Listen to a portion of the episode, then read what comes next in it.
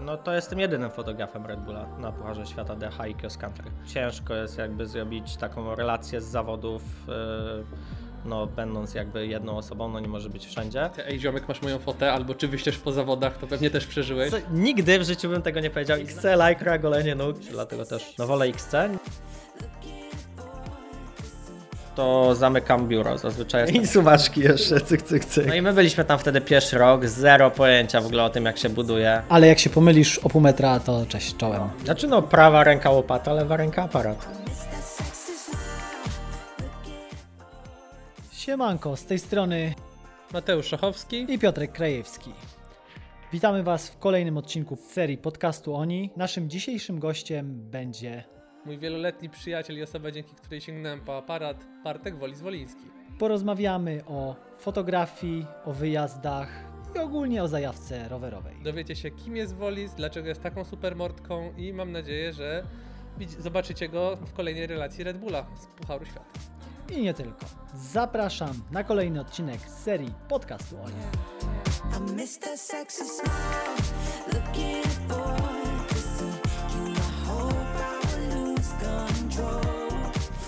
Ile ty masz lat w ogóle? Czy ty jesteś starszy? 9-0. Ty jesteś najstarszy, ty jesteś Eee, 9 To 9-0. będzie 31. 31, no. 31, Czy jednak nie wiedziałem. 30, ja 30, a ty jesteś 29. Tak, Serio? Będziesz miał 30?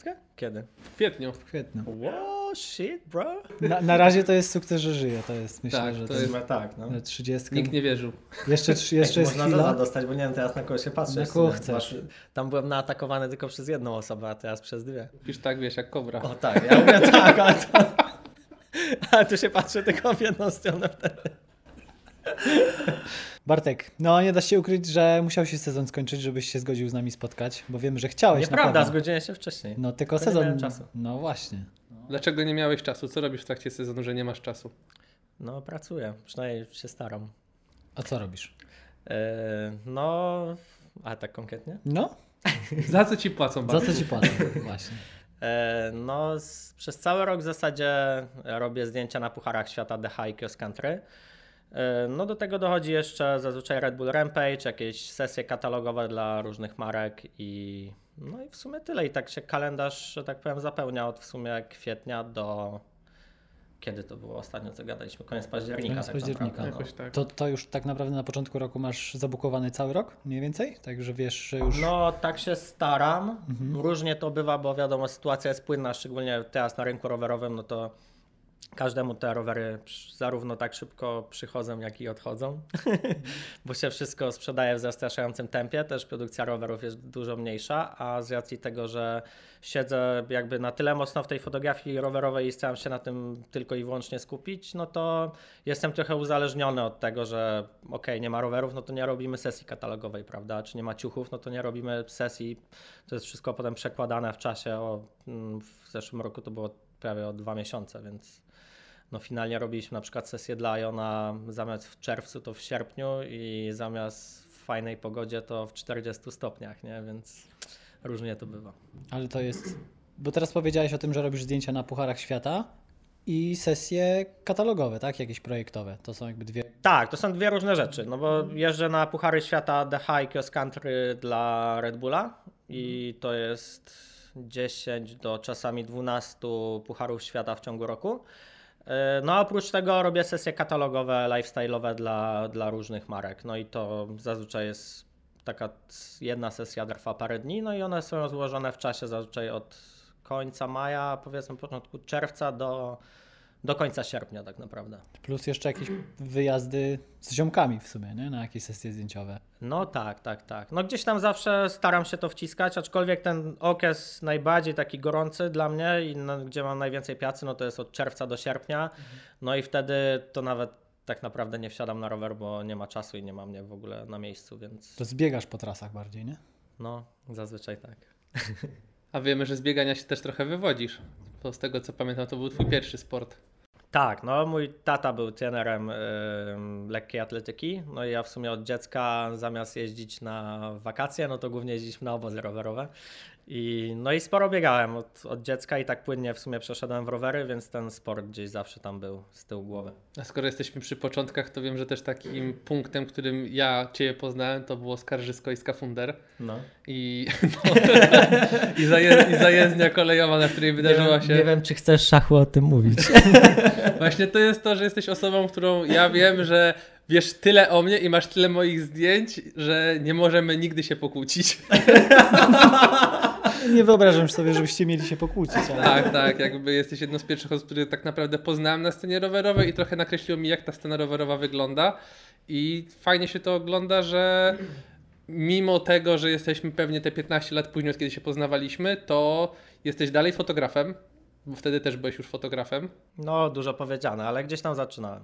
ale też jesteś osobą, która tak naprawdę jest chyba jedną z nielicznych fotografów europejskich Red Bulla, która tak jeździ, ma cały sezon. Że kiedyś jakby, jak ja zaczynałem, to był, wiadomo, był jakby, jeszcze był Sven Martin, pojawił się Mad Dog, były osoby, które były, kojarzyły się, że są fotografami Pucharu Świata i pojawia się Wolis, który zaczyna jeździć na wyjazdy Red Bullowe. Ja byłem twoim wielkim fanem również dlatego, że chciałeś mnie przekimać na podłodze w hotelu, jak jeździłem jako trochę mniejszej skali fotograf i ja latając małpką, a ty tam jakby profesjonalnie ubrany i byłeś takim moim wejściem w ogóle w świat fotografii i dalej tam jesteś. I jakby jesteś jedną z nielicznych osób, które utrzymały tą pozycję. Bo jednak tych fotografów się trochę przewinęło przez scenę rowerową i z Polski, i ze świata, a na pucharze tak naprawdę jesteś, nie wiem, ilu jest fotografów Red Bulla na świecie, takich Na rowerowych? Pucharze Świata DH? No. No. to jestem jedynym fotografem Red Bulla na Pucharze Świata DH i Cross Country. No jeżeli chodzi o inne eventy, gdzie jest no, potrzeba, żeby było więcej osób, na przykład nie wiem, czy District, District Ride, czy na przykład Roof Ride, jak był w Polsce, albo Rampage, no to zazwyczaj to jest team kilku fotografów, no bo ciężko jest jakby zrobić taką relację z zawodów yy, no, będąc jakby jedną osobą, no nie może być wszędzie. Na zawodach DH jest o tyle łatwo, że jest bardzo dużo zawodników, jest jedna trasa i tak naprawdę nie mam takiego znajomego z Estonii, który robi na przykład rajdy WRC, no i on też pracuje dla Red Bulla i yy, on też robi zdjęcia sam, no bo też jest rajd, jest dużo zawodników, jest jedna trasa i to jest w miarę łatwe do, do cyknięcia, ale no są eventy, na których no musimy być w teamie i to też jest super, bo ułatwia pracę i można się skupić na tych super rzeczach, a nie robić 10 rzeczy naraz czasami. To pamiętam z District Ride'u, że tam przechodzenie między sekcjami jest niemożliwe przy 40 tysiącach osób No na nie ma szans. Nie ma szans. Nie ma szans. A jak w ogóle to wygląda? No bo tak jak powiedziałeś, jest, każdy ma wiele przejazdów, mamy kilka charakterystycznych punktów na trasie, mamy, nie wiem, wielkiego, wielkiego gapa, kilka jakiś chamski rock garden, jakieś korzenie. To jest tak, że tu stoisz, tu cyknę, nie wiem, 15 osobom, zejdę 15, czy tu cykniesz wszystkim, kolejnym wszystkim, jakby potem znowu wszystkim na kolejnej przeszkodzie, czy jak ten schemat wygląda? Wiesz co, to jest. Yy, kurczę, to jest czasami bardzo losowe, bo zazwyczaj na Pucharach Świata, w zasadzie zawsze na Pucharach Świata DH na przykład, jest tak, że mamy jeden dzień treningów, potem są na koniec dnia mierzone treningi i to jest dzień, w którym jest najwięcej tych treningów, bo jest około chyba 5 czy 6 godzin tak naprawdę dla elity, no bo jeszcze są juniorzy, kobiety, no to jakby licząc wszystkich, to jest tak naprawdę cały dzień na, na trasie. W kolejny dzień mamy treningi i kwalifikacje. No i kolejnego dnia są e, finały już, które są poprzedzone treningami. E, No i podczas zawodów, znaczy może inaczej, podczas treningów to wygląda tak, że po prostu idę na trasę i staram się codziennie zrobić jak najlepszy materiał z jak największą liczbą zawodników, którzy mnie interesują, czyli zazwyczaj jest to pierwsza dziesiątka i jakby tacy młodzi, dobrze rokujący rajderzy, którzy wiem, że mogą się przebić do, tej, do tego top 10. Yy, No i po kwalifikacjach już jestem w stanie powiedzieć, ok, to na przykład zawodnik z numerem 52 był w top 10, to na pewno mu pójdzie dobrze w finałach, szczególnie, że też jest, to jest jakby kolejność ustalana w kwalifikacjach, jest kolejnością potem w finałach. No i robiąc takie zdjęcia na kwalifikacjach i na treningach, robię sobie taki backup jakby fotograficzny, czyli robię wszystkie te najfajniejsze kadry, które chcę i których nie mogę zrobić podczas zawodów, bo podczas zawodów też są ludzie, więc biorę to pod uwagę, że ok, ten i ten spot może wyglądać super, jak się wypełni po prostu publicznością. E, No i gdzieś mam to z tyłu głowy, a na samych zawodach, e, no wielu w ogóle fotografów siedzi na dole i robi zdjęcia tylko na linii mety i na tych ostatnich kilkuset metrach.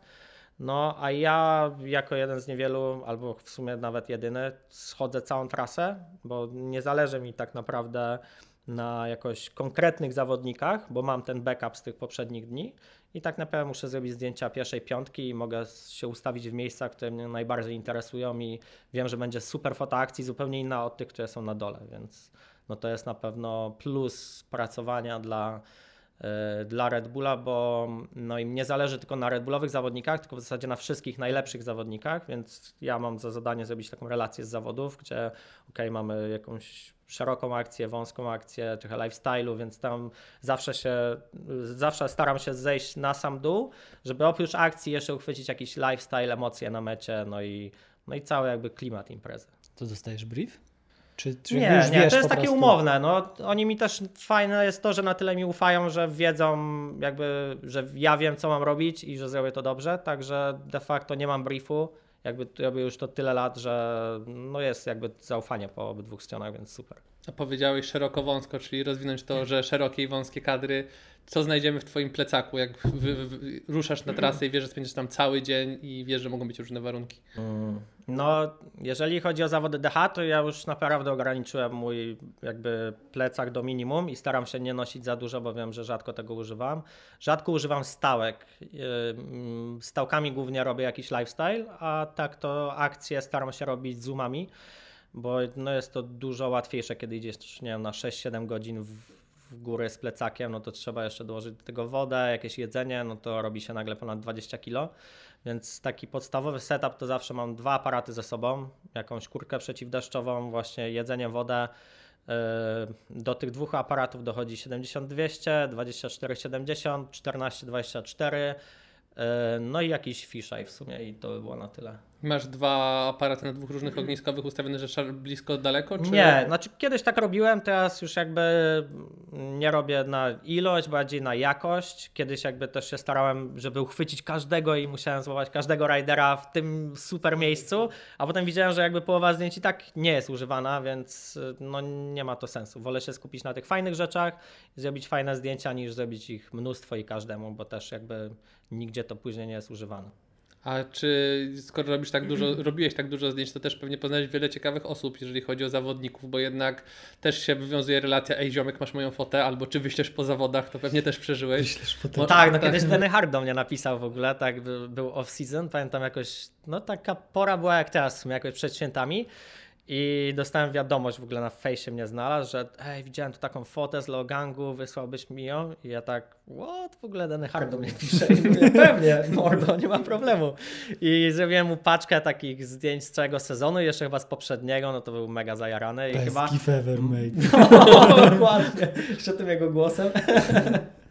No, także myślę, że też niewielu fotografów tak naprawdę wysyła tak zdjęcia. W sensie, że mało, po pierwsze, mało riderów pewnie prosi fotografów, żeby wysłali zdjęcia, ale też ci fotografowie na Pucharach Świata, którzy są, no to oni są skupieni stricte na swojej pracy, robią tylko swój team i it. A ja mi się wydaje, że jestem jedną z niewielu osób, która robi wszystkich zawodników. No Jednak jesteś reporterem dla mediów, a nie dla danego teamu. Dokładnie, dokładnie. I tak. czy umiałbyś porównać, czy wolałbyś robić, czy chciałbyś kiedyś spróbować robić team na przykład? Jakiś taki, który jest top, top 3 robić tylko teamowy i jeździć z nimi busem na przykład i Myślę, że nie.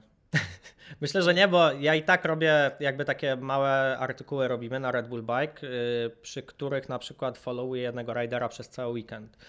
I ym, wiesz, piszemy o nich y, historię, idziemy właśnie do, do ich pizzów, czyli do tych albo samochodów, albo namiotów, które mają, spędzamy z nimi cały dzień i robię tam bardzo dużo lifestyle'u i na pewno super jest to, że jakby znam już tych riderów na tyle, że oni też mnie kojarzą, zupełnie inaczej nam się pracuje niż parę lat temu, bo, bo już siebie nie znamy. jesteś obcy. Dokładnie. I nie jestem takim typem z zewnątrz, co przychodzi, tylko wiesz, tu pogadamy, tu porobimy zdjęcia, jest fajnie i też super, bo jest różnorodność. Jakbym był z jednym teamem, to bym był cały czas z tymi samymi ludźmi, fajnie, ale po roku takiej pracy to na pewno czuję się wypalenie zawodowe i widzę to po moich znajomych, którzy robią zdjęcia dla teamów, że okej, no oni jakby odgrzewają kotleta z tymi samymi twarzami, tylko kolory rowerów się zmieniają, a ja o tyle mam ten komfort, że cały czas ci ludzie się zmieniają, cały czas jest kto inny, inna osobowość, inaczej się zachowuje przed kamerą, więc zawsze to jest jakieś wyzwanie.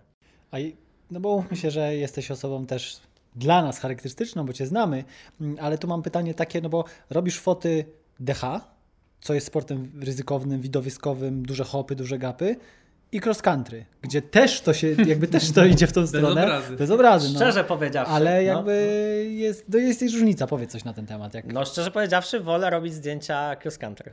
I... lajkra cię ci ciągnie. Tak, bardzo. nie no, nie, nigdy w życiu bym tego nie powiedział i znacie mnie i wiecie, że jakby wywodzę się z the jumpingu, ze slopestylu i jakby tak Z zaczynałem. środka zajawki Dokładnie. A tu nagle XC, lajkra, golenie nóg. Jakby nie o to chodzi, tylko pod mm, kątem jakby robienia zdjęć. Ja wiecie, na zawodach DH siedzę w krzakach, czekam aż jeden typ przejedzie, przejechał, nara, nie? I tyle widziałem tak naprawdę. A na zdjęciach, na wyścigach cross country ja mogę obserwować cały wyścig, widzę co się dzieje, jak się zmieniają ludzie. I poza tym to jest mega hardkorowe. No, oni cisną w lajkrze po srogich rock gardenach, w śmiesznych kaskach w ogóle, przypięci, wiesz, w SPD, bez No ochraniaczy, widzisz bez niczego. wyścig, że to się zmienia. Że Tak, ale w ogóle to jest mega hardkorowe. Jakbyście zobaczyli taki wyścig na żywo, to Organizowaliśmy ja założę się, że jakby każdy z nas spróbował zjechać tą sekcję na tych rowerach, co oni zjeżdżają tak szybko jak oni, nie ma szans po prostu. I ja dostałem taki, znaczy zyskałem taki mega respekt do nich za to, co robią i że to jest mega fizyczne, bo cisną na górę tak samo szybko, jak i na dół. I pod kątem fotograficznym dla mnie to jest o tyle ciekawsze, że ja w- jakby lecę za całym tym wyścigiem, widzę co się dzieje i oprócz tego są jeszcze emocje, bo oni są zmęczeni, wiecie, czasami jest błoto, są mega brudni, jakieś gleby i, i jest mega różnorodność i ja w zasadzie nie robię nigdy treningów cross country, bo one są nudne i robię sam wyścig i z tego wyścigu zawsze mam mega fotorelacje. A z DH no, trzeba się bardziej namęczyć, no bo gdzieś tu ci ktoś ucieknie, gdzieś pójdzie na treningi, ty jesteś na dole, a to jest na szczycie góry i jakby łatwo te rzeczy umykają. Masz ułamek sekund, żeby go złapać. Tak, a na wyścigu XC masz wszystko podane na, jak na tacy i trzeba tylko umieć wykorzystać i to jest super, naprawdę no pod tym kątem to jest trochę jak slopestyle, o może, bo jakby slopestyle też jest taki, że masz wszystko w jednym miejscu, możesz piękny kadr sobie ustawić na hopie, złapać tego ziomka, jak będzie podchodził z powrotem, no to, to robisz mu jakiś lifestyle i, i masz wszystko tak naprawdę zrobione, tak, a no w DH jest to dużo trudniejsze, dlatego też no wolę XC, nie sądziłem, że kiedykolwiek to powiem, ale A są jakieś zawody ze świata rowerowego albo nawet świata innych sportów, które chciałbyś zrobić foty tam, jakąś relację? Poza rowerami na przykład, zacznijmy od tego. Z zawodów Z zawodów albo sport, który chciałbyś fotografować, ale nie masz za bardzo szansy, by tak jak mówisz, jesteś zajęty przez cały rok. Mm, No ja sporo też na motorze jeździłem i na pewno jakiś West Series, jeden z przystanków tego West Series bym z chęcią zrobił, no bo to jest mega zbliżone do rowerów, czuję ten klimat, no i też można sobie pojeździć na motorze, co jest super. Bo w czasie zawodów czy DH, czy cross country, no nie masz roweru ze sobą, nie, nie, ma ma to przemieszczania nie, się. Nie, nie, nie, nie. Gdzieś używałem, a w Mariborze w tamtym roku używałem roweru, żeby zjeżdżać wzdłuż trasy, bo w Mariborze, też byliście w Mariborze kiedyś? Nie. No tam start jest jakby z połowy góry i musisz od gondoli zejść trasą, która jest dosyć stroma na końcu jest mega stroma, żeby dojść do startu DH, no to trzeba schodzić pół godziny piechotą. Więc ja wziąłem tam rower i zjeżdżałem sobie na rowerze, a potem wzdłuż trasy na rowerze, no i to było super przyjemne, ale tam też jest tak, że jest bardzo dużo miejsca przy trasie, żeby zjeżdżać sobie tym rowerem i nikomu nie zagrażać. No, na niektórych pucharach świata DH masz po prostu dżunglę po, pomiędzy, jakby poza taśmami, no ciężko jest w ogóle przejść, a co dopiero jechać na rowerze, więc to zależy od spotu. No na pewno można trochę oszczędzić nóg. A EWS? EWS super, chciałbym, aczkolwiek to nie jest łatwe do zrobienia, no bo Trzeba też dużo się przemieszczać, Tak, nie? OS-y i w zasadzie łapiesz tych typów na jednym OS-ie raz i tyle. I nie znając tras wcześniej dobrze no, i tych spotów, no to można się zdziwić. A oni I- jednak zmieniają te trasy, teraz jest duża rotacja, że w downhillu jednak Tak, te trasy tak, to jest tak. tak, że pewnie Leogang to z zamkniętymi oczami byś szedł na dół, więc Tak, tak, tak. No chociaż Logang też się sporo zmienił, bo tam dół jest No cały teraz w ściółce zmienił, tak. i było, było to w sumie dwa lata z rzędu. Jakby było sucho, to było tam super. No, no pytanie, jak to teraz wygląda. A mam takie pytanie, czy często podpowiadasz komuś jakąś linię, jaką linię wybrać? Mm, no Bo stoisz tam, widzisz, robisz zdjęcia, ale też patrzysz, nie? tak, no zdarza się, że chłopaki się zatrzymują i pytają i nie wiem, czy Minar, czy Loik, czy Łukasik na przykład tam ludzie, z którymi gdzieś tam mam więcej do czynienia i ich bardziej znam, jak widzą, że stoję, no czasami się zapytają, albo czasami sam powiem, że tu jechał ten, tak i tak i jakby oni to biorą wiedzą, pod że uwagę. jesteś, wiedzą, że jesteś specjalistą też poniekąd, bo jednak trochę tam siedzisz. Nie no, oni zawsze pytają albo mediów, albo mają swoich parę osób po prostu na trasie, które im nagrywają, pokazują co i jak, no bo to są rozkminki, no to jest jak wiecie. Formuła 1, Formuła nie? 1. To jest dosłownie Formuła 1 i jak zobaczycie wyniki zawodów na takich trasach jak Leogang, no to w, w jednej sekundzie jest czasami 7-8 typa, nie? No i jak możesz powiedzieć, że ktoś jest lepszy tak naprawdę? No to są te ułamki sekund, że wiesz, jest jedna linia, linia top to bottom, która jest najszybsza i Trzeba nie ma znaleźć, innej no. opcji. I musisz jeszcze ją przejechać jak najszybciej, więc... Ja mam teraz pytanie jeszcze. Nie jestem pewny, czy to miało kiedyś miejsce, ale wydaje mi się, że tak. Czy miałeś kiedyś taką sytuację, że skręciłeś nogę, kostkę w czasie robienia zdjęć i miałeś problem, żeby się by- by- jakby zejść z trasy? Coś mi się takiego...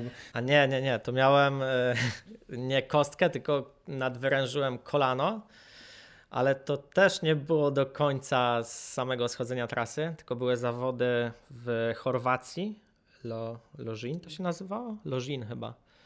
Na Taki puar świata, no, no, to chyba było Lożin, bo Luza jest z Portugalii, to, to tak, to musiało być Lożin. I przyjechaliśmy na zawody, był, mieliśmy jed- jeden dzień jakby w zapasie, w zapasie, żeby tam zrobić jakiś lifestyle, bo to była nowa miejscówka i w ogóle jakieś nagrywki. No ja tam miałem robić zdjęcia, no i mieliśmy sporo czasu wolnego w pierwszy dzień. No i Emanuel, taki filmowiec też z Red Bulla, powiedział, no idę biegać, chcesz przebiec? Mówię, no pewnie, ja wiecie, nie biegałem Kocham biegać. dobrych, dobrych parę lat, nie? Mówię, a w sumie jakąś mam taką nie za dobrą formę teraz, to mówię nawet coś tam, żeby poćwiczyć. I on mówi, no potem na siłownię, jutro też na siłownię i może pobiegać. Mówię, no dobra, dobra, hold your horses? E, I poszliśmy biegać, no i mieliśmy zrobić tam chyba 5 km w jedną stronę, ale dobiegliśmy na północ wyspy od sceny wschodniej, no i stwierdziliśmy, że dobra, to już dobiegniemy tam te 2 km, żeby był, było widać zachód, bo to był koniec dnia. No i finalnie wyszło 7 km w jedną stronę, potem 7 powrotu i ostatnie 2 km sprint, kto szybciej, nie? I po prostu wyścig. Typowy wolis. Powoli. Nie znam innego. Zawsze jest tak, że nie ma luźnego przejazdu. Nie ma Zawsze jest wyścig. Nie. Bartek, jedziemy, tylko nie pedałuj. Tak, Dokładnie, dokładnie. No. No i dobiegliśmy równo, zbiliśmy pionę i poszliśmy tam wykąpać się w morzu. No i zero rozciągania, niczego. Na drugi dzień on dzwoni do mnie rano. Ty, bo przed śniadaniem jeszcze na siłkę. Mówię, dobra, no to poszliśmy tam w wioślarz. Nie mówię, o Boże, dobra, no to powiosłowaliśmy, poszliśmy na śniadanie. No i jeden dzień treningu w DH. Na drugi dzień mówi, dobra, to idziemy znowu biegać. Mówię, ja już takie sztywniutkie nogi. Mówię, dobra, przynajmniej się rozruszam. No i poszliśmy biegać, scenariusz znowu ten sam. No i dzień finałów mi odcięło nogi, bo trasa jeszcze w Lożin była taka, że ona była wysypana cała takimi luźnymi, płaskimi, lekkimi kamyczkami. Od oczach. Mm, Nie. Ale blisko. E, I było tak, że no mega było ślisko i niestabilnie i trzeba było tak szeroko na nogach schodzić. Ja z tym plecakiem wielkim. Trzeba było zeskakiwać z jakichś skał. No i mega dobiłem te nogi. I wyszło w finałach tak, że kolega mi musiał pomagać z plecakiem, żeby zejść w ogóle. Zrobiłem jakieś zdjęcia na finałach, ale no na pewno nie to, co chciałem. No a na samolot już o jednej nóżce z samochodu. No i od razu na rezonans. E, Nawet od ciebie chyba brałem namiary wtedy. No i potem do fizjo też od ciebie brałem namiary. No i wyszło tak, że. Bo myślałem, że zerwałem więzadło gdzieś jakoś zmęczeniowo czy coś. A okazało się, że po prostu ja jestem nieporozciągany w ogóle. I do tego jeszcze przegiąłem z tymi treningami i po prostu czwórka mi się skurczyła na tyle, że przyciągnęła rzepkę do kości. I zamiast, wiecie, rzepka powinna działać tak, to zaczęła trzeć się o środka. No i się tak wytarła, że no było nieciekawie. Miałem jakieś tam suche igłowanie, żeby rozbić te mięśnie trochę, masaże. No i puściło mi to, ale od tamtej pory gdzieś biorę to też pod uwagę, zacząłem coś ćwiczyć i no jest dużo lepiej, już nie odczuwam tego bólu, więc też super. Mimo, że nadal jestem nieporozciągany. To żeby jeszcze tylko naprowadzić, bo ty biegałeś długie dystanse kiedyś, tak? Mhm. Przeładował. Tak, więc dla mnie w ogóle to przebiegnięcie tych tam kilkunastu kilometrów to nie był za duży wysiłek, tylko te, też się dowiedzia, dowiedziałem od fizjoterapeuty, jak my jeździmy na rowerach, to wiecie, nawet podjeżdżając dużo, to u nas prawie nie, nie pracuje w ogóle poślad i dwójka, pracują mało co. I ja po prostu przy bieganiu to mega aktywowałem, aż do przesady, no i wszystko się pospinało i było nieciekawie. Pamiętam, jak mi tłumaczyłeś w Mieroszowie chyba, że nie mogę, że nie powinienem chodzić, tylko powinienem kręcić nogami, bo już mięśnie mi nie działały. No ale było łatwiej. Było łatwiej, było łatwiej, bo tutaj też wspomnę, że mój najcięższy dzień w życiu to był dzień z panem Bartkiem Wolińskim, Kiedy mnie namówił, żeby wstać od biurka i wziąć udział Mam, w zawodach enduro. Właśnie wracając do fotografii, mam twoje takie piękne zdjęcie, jakby cię z krzyża zdjęli na koniec zawodów. Tak. Coś pięknego. Ja nie wiedziałem jakby co, czym jest enduro. Bartek wiedziałem, że chciałem pojechać z Bartkiem na wyjazd, a że nie mam często okazji, bo mimo, że bywam po drugiej stronie góry od cie, tam, gdzie mieszkasz, to i tak się nie widujemy, No. bo zawsze jesteś zajęty, to naprawdę dobrze wspominam, że to był taki dzień bólu. A To ile No, kilometrów wtedy jeszcze tam było w tych zawodach? O, Bo no tam... oni tam się lekko machnęli, bo miało być chyba 50 km, a I wyszło... półtorej pod górę. I półtorej pod górę, a wyszło 65 i 2,5 pod górę. Jednego dnia. Tak. Tak. Więc jak, jak, Mateusz pamięta jakby to było ja dziś. pamiętam jak wiesz, jak, jak z obozu, na zasadzie, że wjechaliśmy na rysy. ja Chodź na lajtowe zawody, Mateusz, pojedziemy. Twoje pierwsze zawody no spoko, nie? Będzie fajnie. Pamiętam, A że, no, pamiętam, że najbardziej to się zdziwili ludzie, jak jakby gadaliśmy wieczorem, że ukończyłem. No, No. Nikt nie wierzył. no my dojechaliśmy w ogóle tak późno, bo z Szachem dojechaliśmy tak późno te zawody, że w ogóle My wróciliśmy do... startowaliśmy strasznie późno. To też był problem, że my się Tak, bo my byliśmy w ostatniej grupie jakoś i wystartowaliśmy właśnie późno i przyjechaliśmy jakby na metę też mega późno. I wróciliśmy na miejsce zawodów, a tam w ogóle zero jedzenia, już nic nie było. Tak, Zaczęli się zwijać, skończył, a to wiesz, Mieroszów to jest środek dupy i nic tam nie ma. Znaleźliśmy jakąś pizzerię otwartą i ubagaliśmy ich przez telefon, żeby zrobili ostatnią pizzę i coś tam zjedliśmy, no ale no na pewno nie miarodajnie do tego, jaki to był wysiłek, więc też... Tak, ja pamiętam, że byłem bardzo zaskoczony tym, jak ciężkie są te zawody i najlepsze jest to, czyli tak jak się śmiejemy, że nie pedały wolic, bo będziemy na spokojnie, było on-site, z tego co pamiętam. On-site, no, no, tak, no, i no. pamiętam, że jest pierwszy OS, stoimy na górze. Tak, ja no czuję to, jakby widzę, że są wszyscy spięci, wszyscy chcą super wystartować, a chcę dojechać do końca.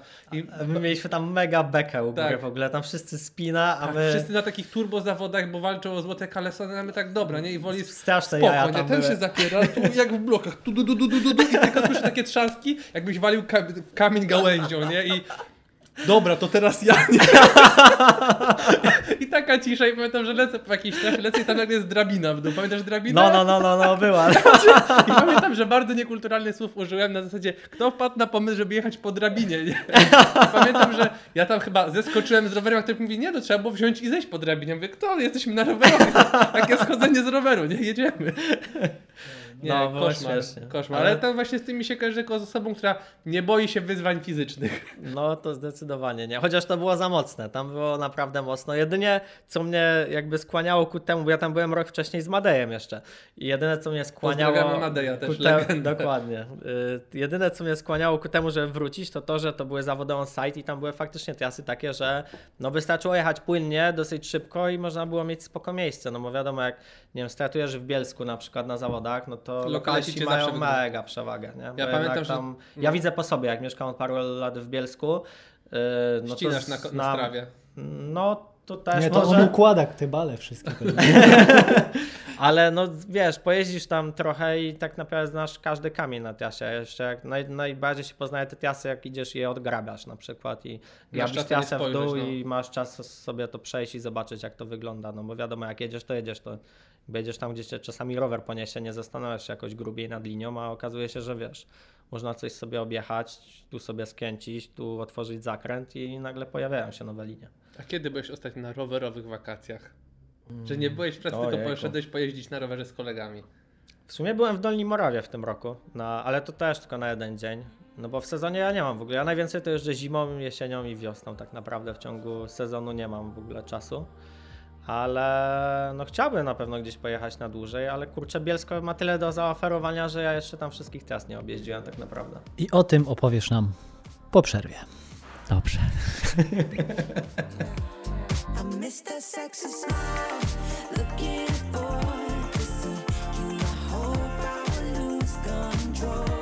Poza taśmą pamiętam, że mnie całe życie mówiłeś, że fajne, ale nie ostre. I ja myślałem, że kurde, te moje foty są ostre. I zobaczę na dobrym ekranie swoje zdjęcia z czasów takich początków właśnie, jakiś Wiena Erking, czy takie fajne, ale nie ostre. że wszystko jest ostre, poza zawodnikiem jest lekki ruch. I nagle zrozumiałem, że całe życie robię na słabym, tym, słabym monitorze. I jaka jest rola technologii w twoim życiu? Nie, ale to takie naprowadzenie to ja muszę powiedzieć, że poza tym, że jesteś mega ziomkiem i jakby zawsze jeżdżenie z tobą na rowerze to była zajawa, Piotrek, ty też. to poza tym jednak wychodzę z tobą na rower, pośmiejemy się trochę, a potem to ja ci zrobię zdjęcie. Już wtedy, uff, dobra, dobra, dobra, robię jakąś, robię jakąś sztuczkę. Jak, pamiętam jak mi telefonem zrobiłeś Supermana na dolnej. Kiedyś byliśmy, taki lajtowy przejazd sobie zrobiłeś. Na No, dolnej, a no. Wyciągnąłeś no, no, no, telefon, no, no, ty to no. wiesz, jak cyk, potem patrzysz na tą fotę, jest takie, no... Kurczę, szkoda, że ta miejscowa nie istnieje. To Nie, no Dolna mega. istnieje. Działa, My stary. byliśmy, bo my byliśmy na takim tripie objeżdża, objeżdżajowy, objeżdż... To był, to był on był. Znaczy jeździliśmy sobie, jeździliśmy sobie po Warszawie i byliśmy najpierw na nieistniejącej już Bartyckiej, bo tam mi robiłeś zdjęcia w dżungli, ale też innym razem byliśmy na Dolnej. No bo Dolna to jest tam przy tych stajniach, tak? Nie, Nie. do, Dolna to jest w środku Warszawy, yy, przy takim jeziorku. Jakbyś pojechał tam, gdzie mieszkałeś do góry. A, tam- No. dobra, bo mi się miejscówki pomyliły, bo ta przy tych stajniach nie istnieje, bo tam e, chyba trasa teraz Yy, leci, tak? to SG, nie, to SGIW było. Tak, ale Ta, tam no. Tam zlikwidowali. to tak. no, zlikwidowali no, po no, prostu, no, no, nie, no. po prostu, no. A to Dolna to no, tam była fajna. Tam był ten drop taki, co waliłeś kiedyś, To kurde, super, mega hardkorowy. co, No. mam tą fotę, właśnie znalazłem tego Suicide'a, to wygląda na 37 metrów. no tam tyle było. No ale to jest fakt, że ja wiem, że jak Wolis wyciąga aparat i patrzy na mnie, to ja wiem, że już mam, mam zdjęcie, że nieważne co zrobisz, że mam zdjęcie. Tak, tak. O sobie tego nie mogę powiedzieć, jak działa to w drugą stronę. Nie, Nie, no myślę, że ten, działa bardzo dobrze. Po latach, po latach, ale też czy zmieniło się coś, bo ja mam taką wizję ciebie, jak pamiętam, że siedzimy w pressroomie do drugiej w nocy i ja staram się opublikować teksty do... Nie będziemy mówić o tym, o czym myślisz, ale staram się napisać teksty dla wszystkich portali po, po kolei MTB, jakie istnieją na świecie, bo ja muszę, wiadomo, sz- szukam pieniędzy w tekście i czy coś się zmieniło? Czy już czy dalej siedzisz po nocach w pressroomach i to jest taka robota, jak ja pamiętam, że kończymy na przykład Crankworksa i lecimy do pressroomu, obrabiamy zdjęcia i wysyłamy i następnego dnia to już jest opublikowane? No po pierwsze nie robię już Crankworksów. Chciałbym mega i mam nadzieję, że do tego wrócę. Chciałbym to robić i mam nadzieję, że do tego wrócę jeszcze, żeby robić więcej slopestylu. Bo byłoby super i mam nadzieję, że jakieś nowe miejscóweczki może wjadą też na Crankworks, bo też byłoby fajnie. E, Co do siedzenia po nocy, no to na Pucharach Świata siedzę dosyć długo. Na pewno mm, na tych Pucharach Świata, gdzie pracuję dla Red Bulla, to zamykam biuro. Zazwyczaj jestem ja i tam szef od live streamu i dwóch edytorów i to my zawsze zamykamy biuro w ten ostatni dzień, no bo zazwyczaj to jest tak, że ci goście, którzy filmują nawet highlightsy, nie tylko operatorzy tych y, kamer live, no to oni zdają materiał i na razie nie ma mnie. Piękne życie. No, a ja jednak y, one man army i muszę... I. Dokładnie, i suwaczki jeszcze, cyk, cyk, cyk. No, także no często tak jest i no tyle wyrobiłem sobie przez te wszystkie lata taki workflow, że okej, siadam, zakładam słuchawki, pyk, pyk, pyk, pyk, pyk i, i robię i dopiero potem zajmuję się resztą i wiem, że zawsze no im szybciej, tym lepiej tak naprawdę, bo zarówno dla klienta, ale też dla mnie, dla samego komfortu psychicznego, że wiesz, po takim stresującym dniu można się w końcu wychillować jak najszybciej, no to jest to klucz. No to nie jest, nie masz tam presetów takich, że klikasz tylko kopiuj na wszystkie. Nie, ja zazwyczaj przerabiam Preset zdjęcia od Volis 7. zera. Y, przerabiam na każdej miejscówce y, zdjęcia od zera i na pierwszym zdjęciu, a potem gdzieś to dalej sobie kopiuję, żeby zachować ten sam styl, no i zachować ten mój jakiś tam styl obróbki, ale zawsze staram się to robić od zera, bo każde miejsce jest nieco inne, czy pora roku, czy pogoda, czy no nie wiem, cokolwiek. ustawienia nawet na podfotę są inne, to nie, nie Tak, możesz, tak, jakby tak. to też preset nie działa tak, że Wiem, że- magicznie wie jakie masz ustawienia. Dokładnie, ale też jeżeli chodzi o jakość, ja wiem, że jak to zrobię od zera, tak jak to powinno być zrobione za każdym razem, no to finalnie to się opłaca. No bo jakbym rzucał gotowy preset, no to tu coś nie siądzie, nawet tego nie zauważę, bo mi to nie wpływa na kolor. Też jest czy... późno, jesteś zmęczony, to też Tak, masz tak, że tak, jest tak. cyk, cyk, cyk, cyk. No łatwo coś przegapić i potem na przykład, no kiedyś próbowałem używać tych presetów, ale jakoś no wolę od zera to robić, bo wiem, że no zawsze jak zrobię to jedno zdjęcie, potem sobie kopiuję, no to wychodzi bardzo podobnie czasowo, a na pewno Czyli jakościowo kadr, lepiej. pod ustawienie poddany kadr, ewentualnie, jeżeli kadr się powtarza, sobie tam zostawiasz, ale potem robisz. Nie, ja robię korekcję kolorystyczną pod jakby wszystkie zdjęcia. No, powie, no, jakby muszą być każde, dalej, no. Tak, każde zdjęcie gdzieś tam potrzebuje, wiesz, żeby je ściemnić, rozjaśnić, jakieś podstawowe, podstawową obróbkę, ale kolor staram się zachować ten sam i po prostu sobie to przeklejam i każde zdjęcie gdzieś tam modyfikuję delikatnie i kolejne, kolejne, kolejne. A dużo kropujesz? Taka ci... Ja w ogóle nie robię dużymi, dużymi rozdzielczościami, więc też nie mam z czego kropować, bo staram się robić tam 24 miliony pikseli, to jest chyba maksymalnie co mam na zawodach. Nie robię 48 czy 50 jak niektórzy i to kropują później o połowę. Mm. Ale z 24. Okej. Nie, zdarza mi się, zdarza mi się kropować, to przyznaję. No ja staram się nie kropować, bo... Od kiedy używam 7200 przestałem kropować, bo zrozumiałem jak ważne jest skadrować, żeby to było wszystko tak jak No, no, no, no, no. No ja od paru lat jakby widzę, że nie mam też takiego ciśnienia, żeby lecieć na ilość i wolę na jakość i zrobić to, bo kiedyś też miałem takie ciśnienie, że dobra, muszę złapać tutaj wszystkich, żeby wszystko mieć, ale tak jak mówiłem wcześniej, no widzę, że to potem i tak nie jest używane nigdzie, więc to nie ma znaczenia i staram się robić jakby to, co mam robić dobrze i tak, żeby każdy był zadowolony i przede wszystkim, żebym ja był zadowolony, a rzadko się to zdarza. To jak mówisz, że, że kończysz y, robotę, w sensie zamykasz biuro, to wtedy jest tak, że już dostarczasz cały materiał i jakby zamykasz ten rozdział z tymi zdjęciami? Czy jest tak, że dostarczasz paczkę, a potem wracasz następnego dnia i musisz dokończyć robotę jeszcze dodatkową partią zdjęć? Nie, na zawodach jest tak, że jakby jak zrobię coś jednego dnia, jednego wieczoru, po zawodach relacje, no to ona już idzie, ja mam dostęp do content poola taki, że jak wrzucę zdjęcia, to one od razu się pojawiają online i, i to idzie już na cały świat i tyle. I jakby No to magia ja Red Bulla, że mają tego content poola właśnie, że to działa Tak, tak no dobrze. to jest super. No ale i tak i nie, bo właśnie opisywanie zdjęć i wrzucanie, naj... bo jakby obróbka nie jest najgorsza. Potem Właśnie muszę wytłumacz proces, o co każde zdjęcie po kolei wpisać metadatę, czyli no, do zdjęcia musi być przypisany plik, w którym masz powiedziane, że tu jedzie ten typ, robi to, tutaj, o tej godzinie, o tej dacie jakieś hasztagi jeszcze i tam inne wymogi. No i to zajmuje mega dużo czasu, bo mimo, że to jest proces kopiuj wklej, no to zawsze musisz zmienić chociażby imię i, i parę słów i no to jest pracochłonne przy na przykład 50 zdjęciach. Każde zdjęcie ci zajmuje, nie wiem, 3 minuty, no to łatwo policzyć, że no jest to trochę czasu. A no, potem się potem wyszukuje po tych frazach, więc to musi być Tak, dobrze tak, zrobione. tak, dokładnie. No i to musi pójść od razu z tą metadatą, bo idzie online, więc no tak jak mówiłem, ja mam jakiś tam workflow jakby nabyty i wiem też na co się pisze, ale z drugiej strony mam ten komfort, że dobra, zrobię to i okej, idę do domu i Bo jest już trzecia rano, można Można się- można pójść spać. Ale to dla uproszczenia systemu jest tak, że ktoś gdzieś w biurze pracuje i czeka, aż mu się wyświetli w systemie folder zdjęcia Puchar Świata, Leo Gang i on wtedy klika. W sensie chodzi mi o to, że na przykład nie jest tak, że ja na przykład jak będąc z tobą wysyłam e, plik zdjęć, masz tu Mateusz, możesz napisać na tej podstawie i tam jest wszystko, tylko to jest już systemowo, więc jakby ty nie musisz bezpośrednio kontaktować się na przykład z edytorem?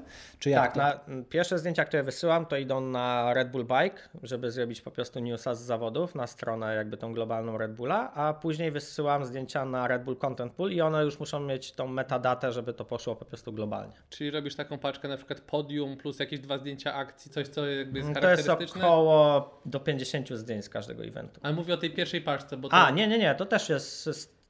To jest podobna selekcja, może trochę inna, bo jest bardziej sprecyzowana, że ma być ten, ten i ten zawodnik, a mm, i to idzie od razu i idzie bez metadaty, więc to mi mega przyspiesza proces, bo no, oszczędzam to tam maksymalnie dwie godziny na wpisywanie tych. A o rzeczach, które Literek. spowalniają proces, jakie miałeś takie przypały na trasie, na zasadzie, czy udało Ci się już zalać aparat, zbić obiektyw? No, zdarzyło się.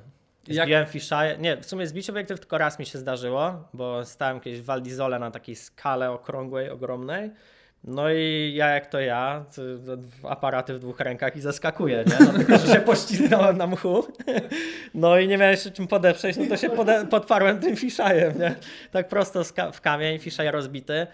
Mm, No i gdzieś to było kosztowne. No aparaty zalałem już parę razy. Na szczęście te Nikony są mega odporne i w zasadzie zawsze gdzieś tam szły na serwis, czy wsadzałem je do ryżu i e, no i działały. Nie, no wiem, wiem. To ale- jest, to jest niesamowite, że technologia idzie do przodu. Ja wiem, że Ty jesteś Nikoniarzem, ja przyszedłem z Nikona na Sony, ale wiem, że to jednak jesteś na pierwszej linii frontu, gdzie jest błoto, gdzie są kamienie, gdzie ten sprzęt musi być odporny jak czołg. Tak, tak. No co jak co, jakby, no Nikon jest trochę z tyłu, znaczy teraz już nie, ale był przez chwilę z tyłu, jeżeli chodzi o jakość zdjęć i te rozdzielczości, i prędkość i wszystko. No teraz wypuścili Z9 i no myślę, że to będzie mega aparat i zastanawiam się trochę nad właśnie kupnem. Bo Ty cały czas na najpierw- lustrze robisz. Tak, no chciałem się przesiąść, ale ten bezlusterkowiec jest super, bo on jest duży, już z gripem wbudowanym i też fajnie się trzyma. Ja w ogóle kupiłem Nikona Z7 II i nie mogłem się przyzwyczaić, że to jest takie małe i Ja nieporęczne. to miałem takie... Sony jeszcze, to też jest za małe na zasadzie, że mój No, APS-C był większy od tego. tak, tak, takie- tak. I ja też mam tą pamięć mięśniową, że wiecie, bo robiłem jedne z zawody w tamtym roku, testowałem Sony Alpha 1 i to jest super aparat, testowałem na zawodach cross country i mega mi się podobało. Pracowałem wtedy chyba z jakimś szerokokątnym obiektywem 14-24 albo coś w tym stylu. Yy, I no mega byłem zajarany, bo ten eye tracking jest turbo dobry i naprawdę. jest to. Robi no, wszystko za ciebie, jakby. Dokładnie. I Ja- ja... stwierdziłem, że kurczę, to w sumie już cały ten skill, który posiadam, jest bezużyteczny. Ja, bo... ja tylko zapytam, to chodzi o automatyczne ostrzenie, czy to... No ten. Na jakby oko eye- możesz przypisać ostrzenie albo Tak, tak. No, follow, followuje ci po prostu autofokus po, po oczach. I nawet jak masz zawodnika w goglach, to nadal ci wykrywa oczy. W oczach zawodnika. Tak. Że masz osoby. zawsze Tak. ostrość na oko, żeby było oko centralnie, ale Tak. masz No na przykład szachu tu siedział wcześniej, my robiłem tym alfa, co to jest, 7.2 chyba, czy 7.3. 3. No i też masz ten eye tracking włączony i szachu siedział w okularach i normalnie przez okulary taką małą Tak, że nie źrenicę masz, masz jakby ostrego nosa, no. tu masz y, Tak, mydło, tak, tak. tylko idealnie jest na oku i oni mają już opcję, że na przykład u zwierząt to jest to samo, że możesz dla, dla ptactwa robić. A mi to też działa super, A, że bo... szachu robi dużo ptactwa, no to... To wiadomo, wiadomo, bo ptak w buszu to trzeba zrobić zdjęcie, no ale jeżeli chodzi o followowanie, to na przykład jest to, ja na przykład zauważyłem, jak się przesiadłem z lustrzanki, że po roku zrozumiałem, jak ten aparat jest mądry, bo wszystko robiłem w starym stylu, bo tak naprawdę aparat, co, ustawisz przesłonę, prędkość migawki, ISO i robisz zdjęcia, no jakby to, to się nie zmienia, to nie, nie przejdziesz na tym, nie przeskoczysz, ale nagle ktoś mi wytłumaczył, ty, a tu jak sobie klikniesz, na- że na dotyku możesz od razu ustawić ostrość komuś na twarzy. I takie miałem poczucie, że jakby nie musisz być fotografem, żeby robić dobre zdjęcia, jak masz taki sprzęt. Jakby to no wiadomo, wiadomo, że... aparat sam też zdjęcia nie zrobi, nie ustawi kadru, prawda? No ale to na pewno ułatwia i no ten przeskok technologiczny był widziany pomiędzy tymi markami przez ostatnie tam 2-3 lata powiedzmy. Ale no, jeżeli masz ten fach w ręku, to jesteś w stanie to nadrobić jakby fizycznie samemu. Ale no teraz też wszedł ten eye tracking właśnie w nowym Nikonie i myślę, że no z tych testów wynika, że jest super nawet lepszy od Sony i no zobaczymy. Zobaczymy, no oni się Będę tak, miał tak w się rękach, przeskakują to... po kolei, no. Tak, tak, tak. No ale te bezlusterkowce na pewno są super. No jest parę minusów, no bo tam też masz tyle elektroniki, że jest co zalać i jest Dokładnie. co jakby zepsuć i też musisz być mega zależny od baterii, no bo przez to, że jest dużo elektroniki, no to ciągnie dużo baterii. I ja na przykład jestem w stanie na Nikonie D5 obcykać dwa dni zdjęciowe na jednej baterii bez problemu, no tam na bezlusterkowcach pewnie byłoby dużo trudniej. Ja się zdziwiłem, bo teraz są takie baterie, też myślałem, że to był dla mnie ten e, jakby aspekt, ale 2000 zdjęć cyknąć z jednej baterii da się. Także wiesz, albo więcej, czy więcej Tak, też zależy ile razy patrzysz na Tak, podgląd dokładnie. i czy czego zoomujesz, korzystasz, czy tak, filmujesz tak, i tak dalej, tak, więc tak. to jest dużo zależnych, ale zaskoczyłem się na plus, że da się przy moim zastosowaniu bezlusterkowiec wygrywa, ale też no nie siedzę aż tak po kolana w No, bocie. jak dużym ty. plusem jest na pewno waga tego sprzętu, że ten sprzęt jest dużo lżejszy niż te wszystkie Puchy e, olbrzymie. Tak, tak, tak. No to wszystko ważyło i to też jest fajne, mi to mega się podoba, bo no właśnie przy naszej jakby dyscyplinie sportowej jest to mega ważne, żeby mieć jak najmniej w plecaku. Chociaż jak był ciężki plecak, to w Whistler tam fajnie sobie te hopy lataliśmy. No, to, to, to I wagą dobre. nadrabiałem, że nie musiałem pedałować. No, no właśnie. Też jestem najszybszy na trasie nawet bez plecaka, ale to są ukryte talenty. A powiedz, jak mówiłeś, że awaria była dosyć kosztowna. Masz ubezpieczenie sprzętu? Mm, Jak to wygląda u mam- ciebie? Chociaż mi się chyba skończyło. Ma, miałem jakieś ubezpieczenie sprzętu, no. Ale tamten, y, tamten obiektyw to w ogóle chyba był w jakimś leasingu, bo mnie w jakimś sklepie namówili na leasing i stwierdziłem, że tam w sumie niewiele więcej trzeba zapłacić, a mogę sobie wrzucić to w koszta i, i finalnie to było jakoś wymienione właśnie w kosztach leasingu, było ubezpieczenie i to poszło z O, ubezpieczenia, no ale naprawa kosztowała więcej niż wartość obiektywu, więc już nie pamiętam ile to było, ale no coś pod 10 koła myślę, więc no jak sam miałbym to wybulić, to byłoby niemiło. Właśnie wiem, że to taki żart, który chodzi, że po fotografii kolejnym hobby mogą być e, ekskluzywne samochody, jeżeli chodzi o koszta. Albo rowery. Bo rowery, a teraz już rowery, no jednak. Jak jakby, czy dochodzi czasami do Ciebie, że na przykład podróżujesz z plecakiem, który jest warty, nie wiem, 100-150 tysięcy?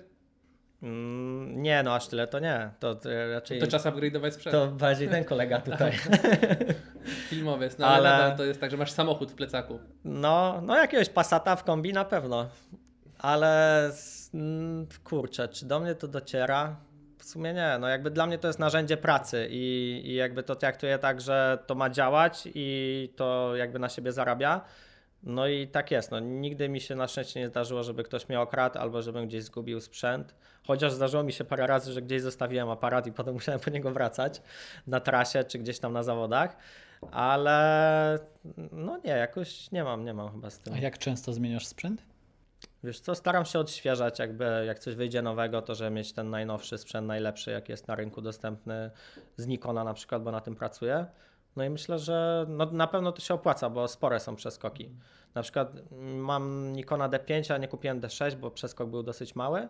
No ale teraz zastanawiam się nad tym właśnie Z9, no bo przeskok już jest dosyć duży, technologiczny i myślę, że się na Oni tam mają zdecyduję. inne obiektywy, tak jak Canon, że masz jaśniejsze opcje? Nie no, w ogóle masz obiektywy do bezlusterkowców. No Bo... właśnie, ale chodzi mi o to, czy masz, bo na przykład u Sony nie masz takiego przeskoku, bo masz ten sam rodzaj wejścia, ale w Canonie na przykład mogli zejść poniżej przesłony tam 2.0 i że Wiesz, no tak, no ale ja mam stałki na przykład 1.4, 50, Też jakby nie robić 85. takiej Tak, różnicy. mogę zastosować adapter, który mam też do Z7 II i na adapterze lecieć z tymi starymi A, obiektywami. spoko. Aczkolwiek, y, no wiadomo jak to z adapterami, zawsze jest jakiś fuck up, nie? Tu ci się coś poluzuje, tu porusza i no lepiej mieć jednak szkiełko i aparat, a nic pomiędzy. A wspiera cię jakaś firma fotograficzna? Masz jakieś tam... Woli swota. Wolco, to No najlepiej, najlepiej. Najlepszy sponsor. Nie no, chciałbym, ale no, no dotychczas mi się nie udało. Też jakby nie zabiegałem o to, może jakbym się gdzieś postarał, to Zapraszamy do współpracy z Woli Dokładnie, Foto. Jak coś to. Dokładnie. A tak rozmawiamy o tej fotografii, a w sumie nie padło pytanie oczywiste, ale skąd fotografia? Ile mam lat? Skąd fotografia? Mm.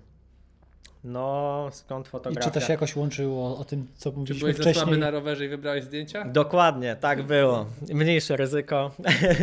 A no, no, jakby zaczęło się w ogóle od tego, że robi, jakby Bo tam jeszcze bym cię naprowadził, bo tam był temat skafan... Skafundera. skafundera i jakby no przecież wygrałeś. No, Ziomek, wiem, wiem. wiedzieć. Pewnie nie pamiętam, ja też wiem dlaczego. Może pokazać zdjęcie. Później tam w komentarzach Piotek polinkuje swoje zdjęcie sprzed lat, to zobaczycie o czym mówimy. No, wszystko się zaczęło w sumie od tego skafundera i no, zaczęło się to tak, że mm, gdzieś tam z grupą znajomych się skrzyknęliśmy e, w knajpce, no i powstał pomysł, żeby zrobić jakiś tam pokaz filmów. Bo to była disorderów. knajpa, skafunder? Czy, Yy, czy. Nie, tam to był klub Semafor, Semafor. taki Semafor, klub muzyczny. okej. Yy, ale to byliśmy akurat w innej knajpie yy, i powstał pomysł, żeby zrobić taki, taki, taką, no nie premierę, ale pokaz jakichś tam filmów, disorderów i w ogóle, wiadomo, wszystko legalnie. I no i powstał pomysł też, żeby coś nagrać. No i mój kolega miał y, kamerę, którą pożyczyłem od niego. Mm, Potem od drugiego pożyczyłem kamerę od jego w sumie taty, który nagrywał wesela. Y, No i gdzieś tam to tak wyszło, że w ciągu pół roku powstał jakiś tam mini edicik, który też tam sobie poleciał. Mm, Przyszło dużo w sumie znajomych na tą pierwszą imprezkę, bo to było jakoś, nie wiem, chyba taki okres jak teraz, może jakiś listopad. No i powstała z tego fajna imprezka. W sumie stwierdziliśmy, że dobra, to może jakieś zawody zrobimy w przyszłym roku. No i na tyłach tego klubu był taki duży plac i tam z braćmi Borek, yy, z Arturem i z Marcinem stwierdziliśmy, że dobra, no to może tutaj, no ale okazało się, że jest jakaś tam druga firma jeszcze obok, oni też muszą pozwolenie dać, no i jeszcze dalej yy, była hala, taka stuletnia hala kolejowa, taki jakby garaż na lokomotywę. No i stwierdziliśmy, że dobra, to może tam uderzymy, bo to stoi puste, opustoszałe i nie ma w ogóle żadnego, żadnego pewnie problemu, żeby to użytkować na nasze cele. No i skontaktowaliśmy się najpierw z PKP, okazało się, że to nie do nich należy, tylko do miasta, no to z miastem, miasto powiedziało, że spoko, wyszedł temat zawodów, oni powiedzieli, dobra, to patrzę na tym prezydenta zrobimy, super, nie ma problemu. Pierwszy sponsor. prezydent? Chyba był, chyba był. No i y, w ogóle tam była śmieszna historia, musiałem jakiś z mamą iść do urzędu, bo ja byłem wtedy w liceum. Jakiś dowód w ogóle tymczasowy wyrobić, żeby podpisać umowę z prezydentem na wynajem tej hali. Jakieś takie historie. 16 lat nie Dokładnie. Jak sobie teraz o tym pomyślę, to jest w sumie niezła abstrakcja, bo byliśmy takimi małolatami i ogarnęliśmy w sumie grube tematy. No i przez to, że do tych zawodów pierwszych mieliśmy jakiś, nie wiem, chyba ponad, znaczy może nie ponad, ale prawie rok czasu, no to wjechaliśmy tam na grubo, że ogarnęliśmy rowerowy kom, z NS-a jakieś części, Red Bull tam nawet chyba był z jakimiś puchami, E, Ziemię ogarnęliśmy w ogóle ze Skanski, bo akurat budowali obwodnicę. Tam dropy też jakieś były. W Tak, ogóle no Tak, no, to właśnie tata od Marcina i Artura jest mega dobry w takie konstrukcje i on tak naprawdę nam to postawił w jeden dzień. My, mam, my tam mu tylko pomagaliśmy, mówił nam co mamy robić i drewno też w ogóle ogarnęliśmy z tartaku za, wiecie, banner na zawodach i w sumie wszystko za free, jakoś to mega To tam... Super, jest tam Wallride był na No. końcu taki tam Tak, tak. Tam była w ogóle. Ja to jestem mega zajarany, bo nadal tam jest super y, taka społeczność rowerowa i zawsze była. I fajnie, że się skrzyknęliśmy i to zrobiliśmy i się udało zrobić w sumie. Jak sobie tak myślę, to chyba to były na, tamtą, na tamten czas jedne grube z zawody. największych zawodów, no bo Superliga się skończyła chyba rok czy dwa lata wcześniej. Był, nie wiem, Odolanów, Szklecka Poręba i tyle, nie było w sumie zawodów, no. I my tak nieświadomie w sumie się wbiliśmy w tą scenę i Widać poza tym, że Kasia. hopy pozostawiały wiele do życzenia, bo wiadomo, to były inne czasy też, no. Człowiek nie był opatrzony, nie jeździł nigdzie, no my budowaliśmy wszystko jak widzieliśmy, wiecie, na filmach e, NWD. NWD i innych, a wiadomo tam też to odbiegało od dzisiejszej normy. W ogóle jakąś abstrakcją było polewanie hop na zawody. Ja jakiś czas temu odpaliłem w ogóle edit z tych zawodów. Kraja to ma oczywiście te swoje opo whipy na pierwszej hopie i tak sobie uświadomiłem, że wtedy nawet nikt nie oceniał tego jako opo whipa jeszcze. No, to po prostu no, tail jakby nikt tak. się nie, nie skupiał na tym, czy to jest opo, czy, czy regular, jakby normalna akcja, no robi whipa, to tam kij z tym, w którą kręci, nie? Ja pamiętam Skafunder, że jak pojechałem pierwsza, to była chyba już druga edycja. Jak pierwszy raz tam dotarłem z ekipą, to nie użyłem roweru ani razu na trasie. I tak to zostało. Ale zawsze- na lewak na barze cały czas otwarty. Tak, do, dokładnie tak, maneta. Ale owszem, no tam pamiętam, że tam odk- dowiedziałem, dowiedziałem się, że można pić piwo z Frana.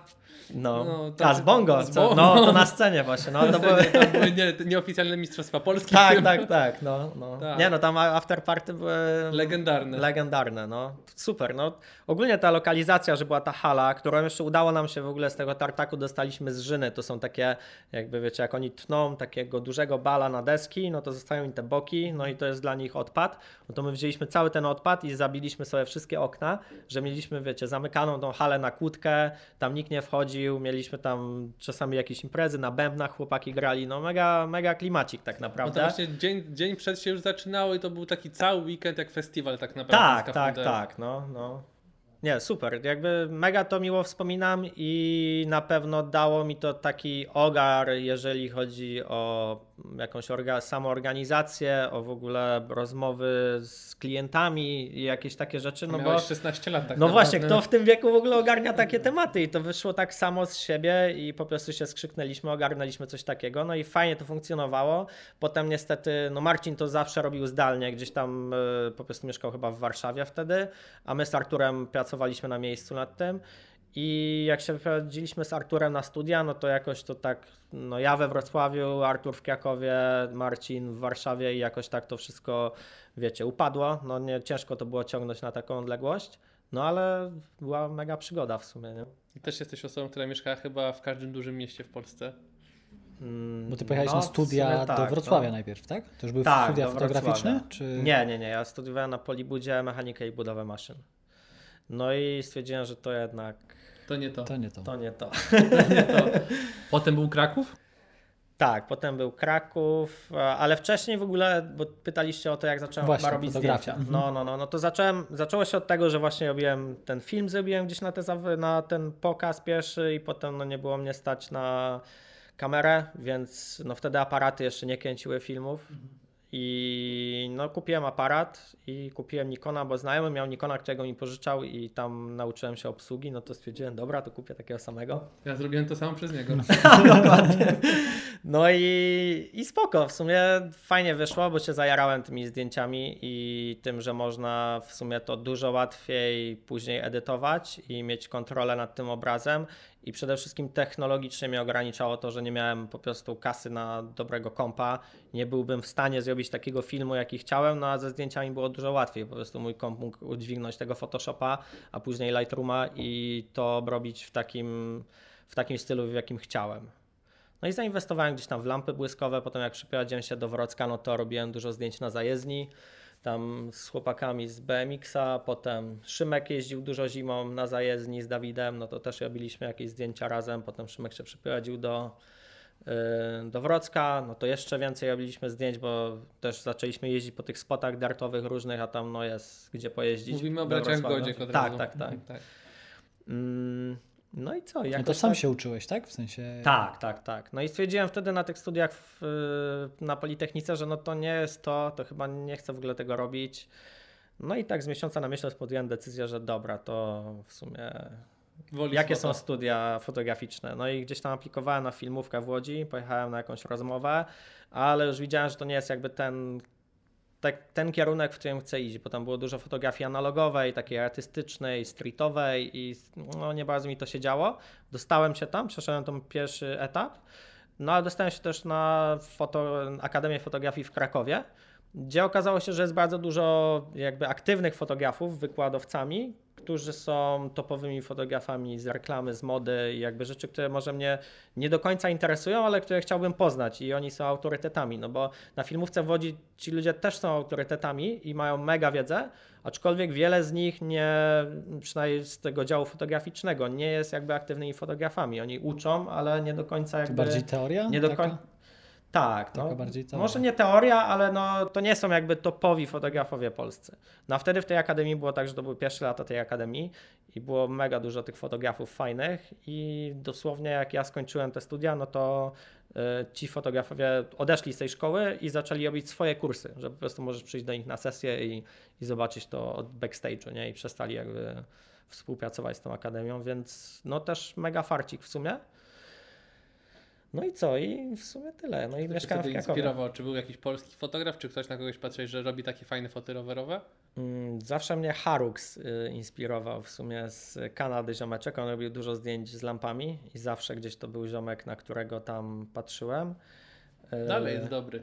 Tak, no, no, no. Dalej jest dobry, Jest mega jest dobry. dobry, mega dobry, no. Mniej rowerów robi, ale jak robi, no to mega To fajne foty, no. Y, No było paru fotografów, ale też ja dużo się inspiruję jakby nie tylko fotografami rowerowymi, ale też spoza fotografii rowerowej. To nawet nie konkretnymi fotografami, tylko po prostu dziełami, czy to są zdjęcia, czy to są filmy, to po prostu gdzieś, nie wiem, wszystkie rzeczy wizualne, które są wizualnie atrakcyjne mnie mega, mega jarają i inspirują też do jakichś rzeczy. Wolisz robić z lampami, czy bez lamp? No bez, bo mnie roboty. Nie no, zależy od warunków wszystko, no bo y, są warunki, które są fajne na lampy błyskowe, a są takie, że no nie do końca to działa i nie ma opcji, żeby działało, więc to wszystko zależy od warunków oświetleniowych. Jest na przykład fajny zachód słońca, to nawet mi się nie chce wyjmować tych lamp, bo wiem, że jest sztos światło i nic więcej nie potrzeba i kiedyś robiłem wszystko z lampami błyskowymi, y, jak nawiedzony jakiś. A potem zacząłem, w sumie to było chyba na Pucharach Świata DH, zacząłem robić zdjęcia z lampami i zauważyłem, że to jest bardzo jakby mm, może nie tyle pracochłonne, co problematyczne, żeby zrobić takie zdjęcia, jakie chcę i żeby nie ominąć żadnego lifestyle'u, bo to wiadomo, trzeba wszystko pozbierać do plecaka, zbiec na dół i jeszcze coś cyknąć. I zawsze coś mnie omijało i przestałem to robić i zacząłem się adaptować do tego, żeby w każdych warunkach być w stanie zrobić fajne zdjęcie i no i myślę, że gdzieś tam to się udało i to też była taka fajna szkoła, no bo na slopestylu wiadomo, jak robiłem wcześniej slopestyle, jumping, no to łatwo, no bo masz tor, masz zawodników, to jest wszystko blisko siebie, robisz sobie jedną hopę, drugą, trzecią, Mi- mimo że tor jest długi, no to widzisz, co ziomek robi na pierwszej, na ostatniej hopie, możesz sobie zaplanować, że to trzeba zrobić z tej, to z tamtej strony, no jest to dużo łatwiejsze. Na zawodach DH, no A Nie wiesz, co jeszcze, się dzieje, nie? Błyskasz jeszcze na zawodach DH?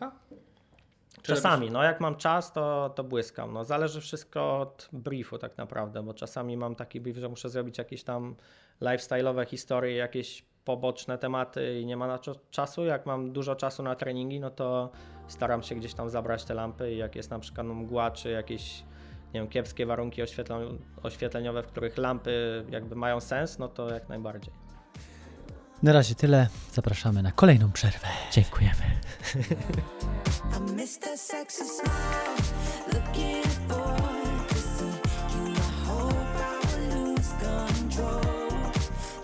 Wziąłem nam też wege nuggetsy, żebyś spróbował pyszności. Vege Nuggets. Nice. Są naprawdę. Very Naprawdę nice. dobri.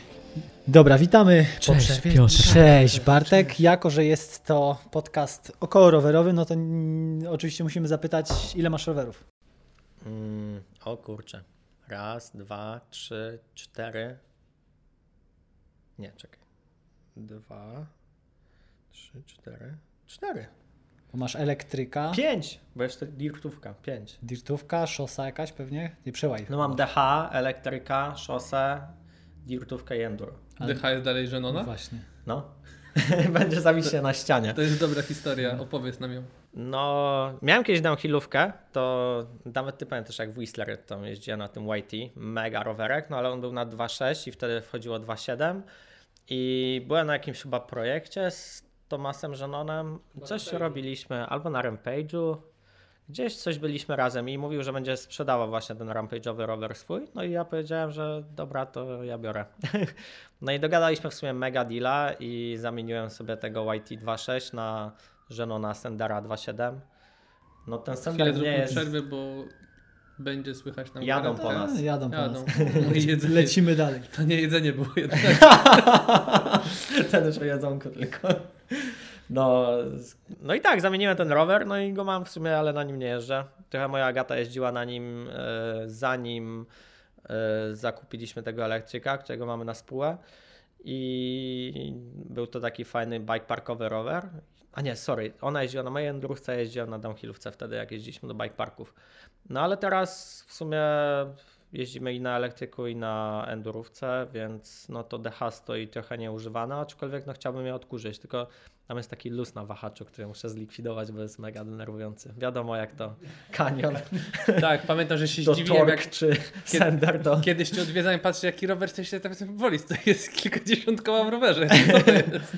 Nie no, bez Kupiłem. przesady. Nie no, tam- śmieję, ale no, no. jakbyś to kupował po e, Pewnie oficjalnym- tak, no, no bo tam jest trochę customowych części, jakieś spanka, koła. A jest podpis jakieś- z tą mi że Jest, no, to masz, że no. No właśnie dlatego mówię, że ja ten rower go nigdy nie sprzedam, bo to bardziej kupiłem jako taką pamiątkę, że no gdzieś tam byłem na tym Byłem za granicą. Kiedyś. Dokładnie. Pokazać dzieciom. No właśnie, w sumie jak już mówisz o Rampage'u, to jak y, jeszcze myślę, że fajnie, że jakbyś nam podzielił się jakąś historią z Rampage'a. No byłem, widziałem. Jak się współpracuje z takimi światowymi zawodnikami jak Szymon Godzik na Rampage'u? No Jesteś super. w jego teamie tak naprawdę co Super. roku. Tak, no kiedyś przecież kopałem dla niego. My tam pojechaliśmy pierwszy rok z Szymkiem, w ogóle pełen freestyle. Jeszcze to było. W tym pierwszym roku to było tak, że tam to było jakoś częścią FMB i tam pozapraszali strasznie dużo takich zawodników slopestyle'owych. Slopestyle'owych, tak, Nawet, tak. roga, nawet rogatki tam zdołał spaść było. z klifu. E, No i my byliśmy tam wtedy pierwszy rok, zero pojęcia w ogóle o tym, jak się buduje. Jeszcze nie ułatwiało to, że ym, nie było wody na samej górze i trzeba było to nosić w takich baniakach, wiecie, takie jak podlewacze, takie do takich ogrodniczych pestycydów y, musieliśmy kupić i to taszczyć na górę, gdzie tam jest pół godziny lekko z buta.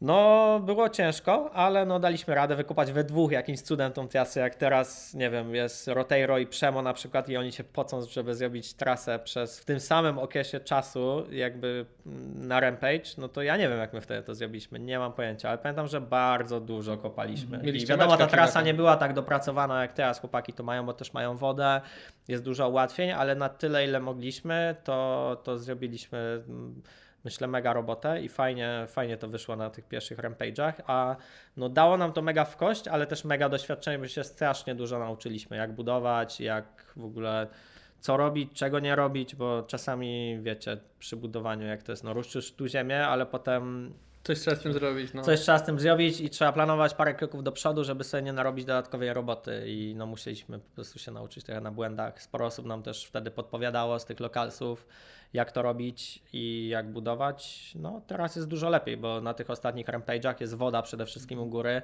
jest po prostu mega duży zbiornik i na dole jeszcze drugi oni przepompowują tą wodę na górę i to jest rozprowadzane przy każdej prawie linii do podlewania woda dostępna o każdej porze, prawie w każdej ilości bym powiedział.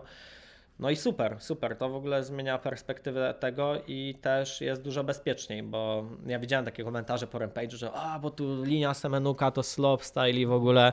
No dobra, ale tam jest taki teren, że jakbyś tego nie utwardził, to po prostu cię zasysa, lecisz przez kierę i nara, nie macie. I no jakby trzeba to robić. Trzeba, znaczy trzeba, no trzeba to wszystko tak uklepać, że po prostu był beton i żebyś wiedział, że jak lecisz to 10 metrów w dół, no to odjedziesz, a nie cię zassa i przelecisz przez kierę, nie? No jakby to by było głupie. No i dlatego to też wygląda jak wygląda. No, telewizja kłamie nie od dziś, nie tylko TVP, więc wszystko na żywo jest nieco większe. Piotr, jak byłeś, to Byłem zdecydowanie. możesz powiedzieć. No, jako rider. Zdecydowanie jest to hardcore. Aczkolwiek może same elementy są takie, że są hardkorowe, ale do polecenia, ale jak się pomylisz o pół metra, to cześć, czołem, pozdrawiam. I... Wolałbyś się ścigać na Pucharze Świata w downhillu, czy polecieć Rampage na luzie? Ja to bym wolał w ogóle zdjęcia robić. Ale Piotrek może powiedzieć, czy byś wolał, co byś wolał? Yy, startować chyba w Rampage'u niż na DH, na tych i się ścigać. W sensie No. mm, ja ze swojej perspektywy, no to znaczy myślę, że nigdy nie uczestniczyłem, w, nie miałem okazji być na zawodach, gdzie budujesz sam trasę i masz presję i trzeba jeździć i tu ktoś coś dużego poleca. No, tak raz dalej. roku. E, Ale jak sobie myślę o zawodach DH, to myślę, że zawody DH są. Znaczy, nie, że większym hardcorem, tylko po prostu tu jednak nastawiasz się psychicznie, masz jedną przeszkodę, którą oczywiście no, nie przetestujesz 37 tysięcy razy tego wielkiego gapa Szymona na przykład, bo wiadomo, No, no, wiele no. czynników. Znaczy, ciężko powiedzieć, no, kto się z czym czu- czuje, nie? ale ja bym szedł raczej w Rampage niż w, w DH. No tak, A tak. ja mam pytanie, bo jak byłeś pierwszy raz i działałeś z Szymkiem, no to tam kopałeś, bo mu pomagałeś, ale robiłeś też zdjęcia, tak? To była relacja Tak, wtedy? tak, tak. No. I jak, Dużo zdjęć w sumie wtedy no właśnie, jak to wygląda? kopałem. No bo z jednej, z jednej strony masz tak, że oczywiście pomagasz, kopiesz, ale z drugiej strony zapisujesz sobie, nie wiem, czy masz w głowie, dobra, taką historię stworzę, więc tu zrobię foty, czy to jest spontan, o, kozacki teraz jest pył, to teraz ładuję fotę i, i jak? Znaczy no, prawa ręka łopata, lewa ręka aparat. nie no, żartuję, ale no gdzieś tam miałem zarys tego w głowie, jak to zrobić i chciałem, wiedziałem, że jakby, czy wiedziałem, spodziewałem się tego, że więcej pewnie zrobię lifestyle'u niż jakby samej jazdy. I tak też wyszło. No i starałem się jak najlepiej ograć tą lifestyle'ową stronę i też dzięki temu, że robiłem zdjęcia tylko z Szymkiem wtedy, no to mogłem się skupić na tym, że okej, właśnie tak jak mówisz, że tu jest pył, tu się coś dzieje, no to brałem aparat, robiłem fotę, a potem wracaliśmy do pracy i jakby miało to sens, aczkolwiek jakbym pracował z, tak jak dla Red Bulla na przykład robię teraz relacje dla Centrali z Rampage'a, no to muszę zrobić wszystkich zawodników, no to nie ma szans w ogóle. A dzięki temu, że robiłem zdjęcia tylko dla Szymka, to my byliśmy siłą rzeczy zawsze razem i robiłem zdjęcia w fajnych momentach. Jak coś testował, to robiłem od razu zdjęcia akcji, to też wiedziałem, że muszę zrobić wszystko z bomby, nie ma tak, że będzie to robił dwa razy. Ziomek, mógłbyś jeszcze raz... że na dole w ogóle zrobiliśmy, to Szymek pewnie pamięta, zrobiliśmy taką hopę, taki step down, no nieduży, ale go tak podkręciliśmy, że on poleciał na wprost dwa razy i dwa razy przez kierę strasznie, że na flat w ogóle, ale za trzecim razem zrobił flipa, mówi pod flipa idealnie. No szkoda tylko, że w finałach, jak tam na dole było strasznie dużo przeszkód, no to w finałach w ogóle nie trafił w tą hopę, poleciał czymś inną, bo, no bo się mu pomyliło. Ale, no ale była. Zdarza się Nawet ostatnio, jak byliśmy teraz na Rampage'u, to ją gdzieś tam widzieliśmy po drodze na górę i no śmiesznie. Kusiła. Kusiła, no nadal jest tak wykręcona. A powiedz, bo jeszcze opowiadałeś o tym, że robisz sesje produktowe, znaczy produkt, lifestyle'owo-produktowe. Teraz Tak, no to jest taki szeroko ogólnie rozumiany lifestyle jakby w dzisiejszych czasach, no to wszystkie te sesje takie do katalogu to są sesje lifestyle'owe i no taki to jest szeroko rozumiany lifestyle i no czasami to trzeba trochę zaaranżować, czasami to wychodzi samo, zależy od sytuacji, no ale to są ogólnie te zdjęcia wszystkie, które widzisz w katalogach, jest jakieś, no nie wiem, co tu więcej powiedzieć. A zrobiłeś kiedyś wesele? No, raz czy dwa razy? Raz. Dla raz. znajomych Nie, dwa razy. dla znajomych dwa czy razy zarobkowo? zrobiłem. Słucham? Dla znajomych czy zarobkowo? Dla znajomych. Szanuję. Też jedną E, jedno dla siostry ciotecznej mojej i e, jedno dla znajomego. Było Bartek, tam potrzymasz ten aparat, coś tam wiesz jak to zrobić? Czy... Tak, no, z tego pierwszego wesela w ogóle, które robiłem dla znajomego, to była taka ekipa rolkowa ze Skarżyska, mega mocna. To chłopaki tacy, po, co po railach tam dobrze jeżdżą. E, No było wesele, które było mega grube i finalnie na tych zdjęciach e, było więcej mnie niż nie było z wesela, więc było, Dobrze, to dobrze. była dobra relacja.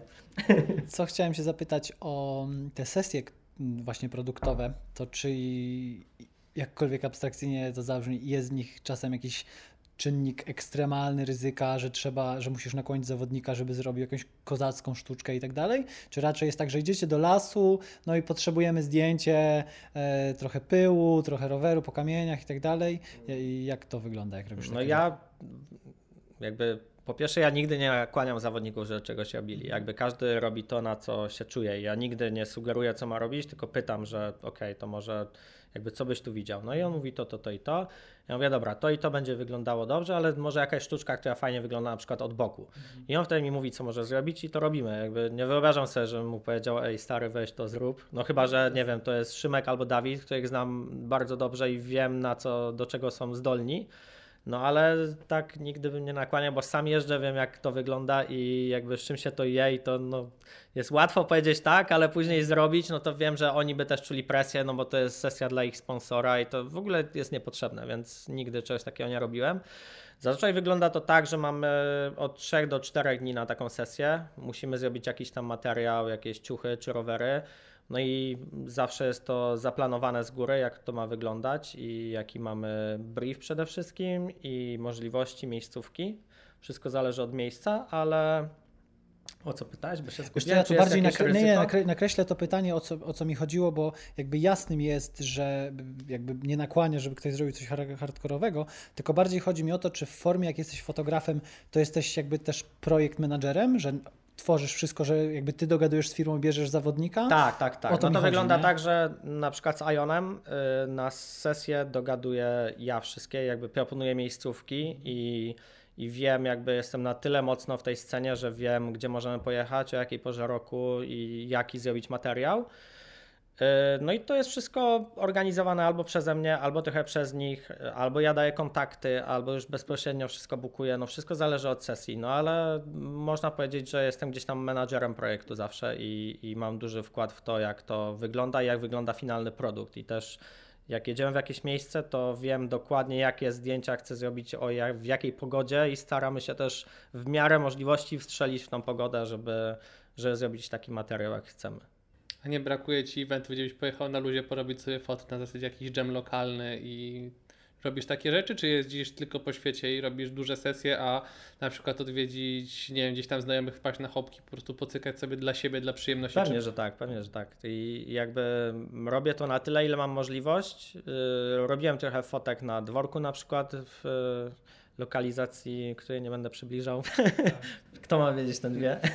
Najlepsze spoty. Tak. yy, I no jest parę miejsc, w których robiłem takie zdjęcia, aczkolwiek no czas mnie mega ogranicza i nawet no kurczę zrobiliśmy statkiem morskim fajną trasę i nie mieliśmy jeszcze okazji tam porobić żadnych fot i on chce mi urwać jaja i ja nie wiem co z tym zrobić.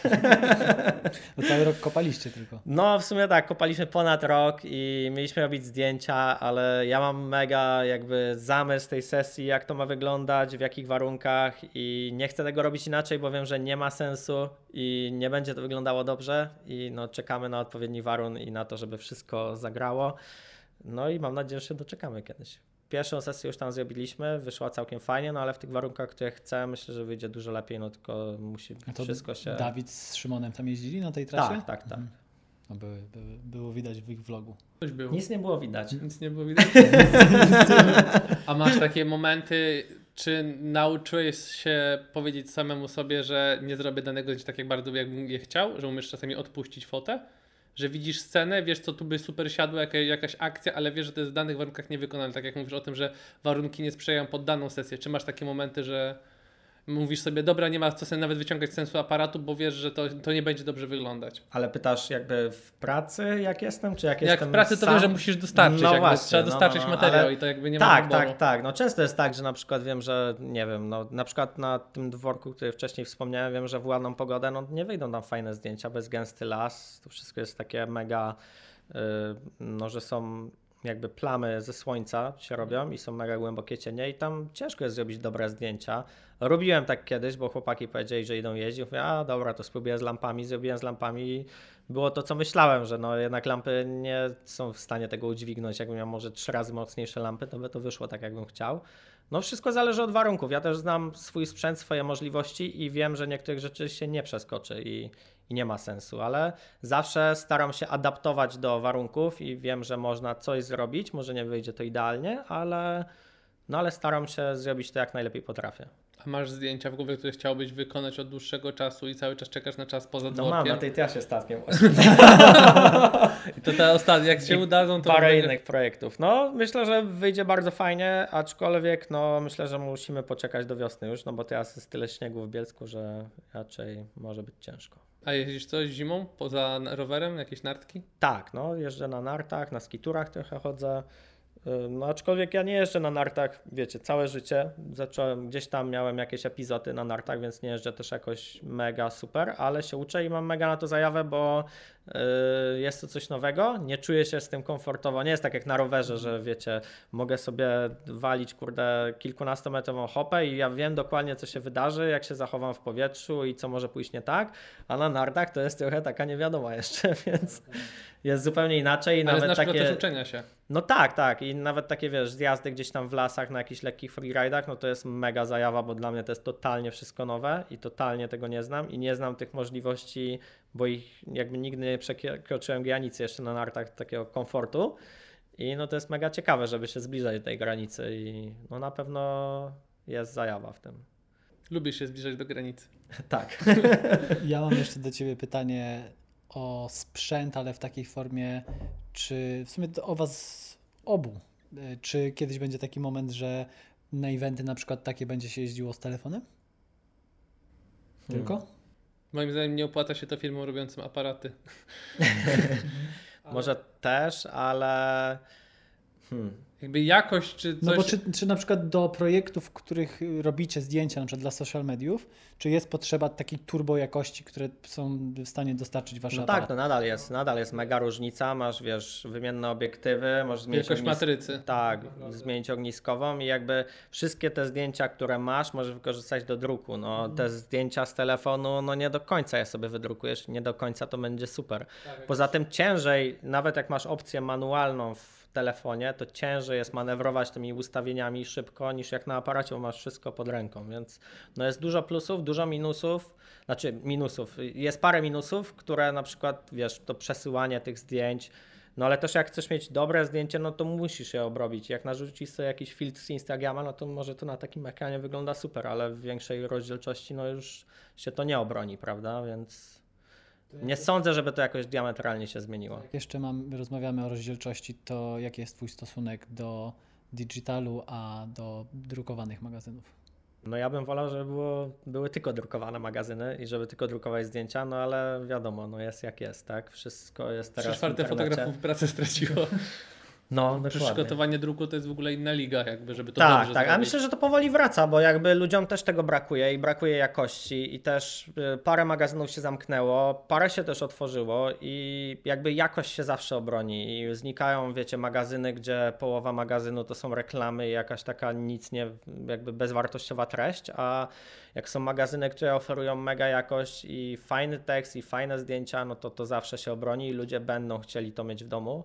No, a wiadomo, przy natłoku informacji w dzisiejszych czasach, gdzie wchodzisz na social media i tam wszystko do ciebie krzyczy i dostajesz po prostu taką pigułkę w łeb, że nie wiesz, co masz ze sobą zrobić, na co patrzeć, bo jest tyle informacji na raz, no to ten druk myślę, że to jest fajna taka równowaga y, pomiędzy jakby tym, co masz dostępne na co dzień, a tym, co możesz dostarczyć jakby do swojej głowy. I no inny, inny jest też odbiór tego, prawda? No też zdjęcia w druku, jeżeli to jest druk dobrej jakości, no to też inaczej się to odbiera zupełnie niż na ekranie. Bo na ekran jakby ci świeci, no papier ci nie świeci, więc też zupełnie inaczej to wygląda. Także ja osobiście chciałbym tylko drukować zdjęcia, ale też wiem, że no często robię Yy, tak jak mnie Kefir pytał na przykład, czemu nie robię zdjęć w pionie. I na przykład zacząłem robić zdjęcia w pionie od dwóch lat na Rampage'u.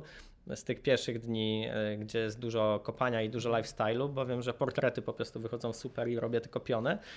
I wiem, że mogę to wrzucić sobie na Instastory. Może nie chcę mieć tego na swoim feedzie tym normalnym, Ale pod wszystkiego, storiesy ale pod stories jest super i jakby też tego używam, także to nie jest tak, że też... Ja się na tym złapałem, że jadąc na wyjazd jakiś właśnie urlopowy, zrobiłem 99% zdjęć w pionie.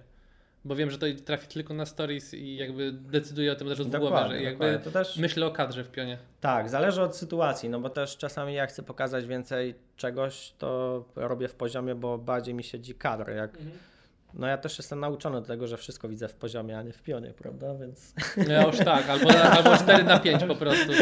4 na 5 to jest taki właśnie model pa- patrzenia, że robię sobie tam odstępy. To powiedz jeszcze, jak y, tutaj, mm, jaki wpływ edukacja, którą miałeś w tej szkole w Krakowie, wpłynęła na Twoje zdjęcia, które robisz? Bo opowiadałeś wtedy, że wywołałeś jakieś zdjęcia na szkle, tam było kilka jakichś takich tak, fajnych tak, tak, projektów. tak, tak. No robiliśmy kilka rzeczy, których na pewno nigdy już nie będę robił. I no nauczyło mnie to sporo. Sporo rzeczy, których tak naprawdę nie chciałem wiedzieć, a wiem i się z tego cieszę. Y, Jaki to miało wpływ? No nie wiem, to ukształtowało mnie jako fotografa na pewno i to mm, jakby z każdej lekcji wyciągnąłem coś dla siebie. To jest tak, że jakby możesz się nauczyć wszystkiego, ale jeżeli nie wiesz jak to wykorzystać, to nigdy nie przyniesie to efektu. Ja po prostu wiedziałem dokładnie co chcę robić, bo wiedziałem, że chcę robić te zdjęcia rowerowe i nadal chcę jakby się w tym specjalizować. I e, jakby ukształtowało mnie to w ten sposób, że mam, nie mam postrzegania już na zdjęcia jako tylko rowerzysta, tylko ogólnie jako fotograf, że jakby widzę rzeczy w trochę inny sposób, mam wrażenie. To jest tak jak, nie wiem, rowerzysta idzie na miasto i Widzi wiecie, wszędzie schody. idę wszędzie i mówię, ło, jakie schody, tutaj lądowanie, tu wybitko. Mhm. No, tak jest, tak jest. No, więc ze zdjęciami jest podobnie, jakby widzę kadrami. Ja wyjmuję telefon na przykład i chcę zrobić zdjęcie, ja już wiem jakie zdjęcie zrobię, bo ja oczami widzę kadr i To fakt. to jest na tej zasadzie, no, jakby tak to działa i to też mnie ukształtowało pod tym kątem i też, żeby widzieć rzeczy trochę z in, jakby postawiłem się wtedy jako fotograf trochę z innej perspektywy, że nie jako rowerzysta, tylko jako osoba z, poza, żeby to też przynosiliśmy swoje zdjęcia, omawialiśmy je i widziałem jaką, z jakiej perspektywy ludzie na te zdjęcia rowerowe patrzą, nie mając pojęcia w ogóle o tym, czym my się zajmujemy.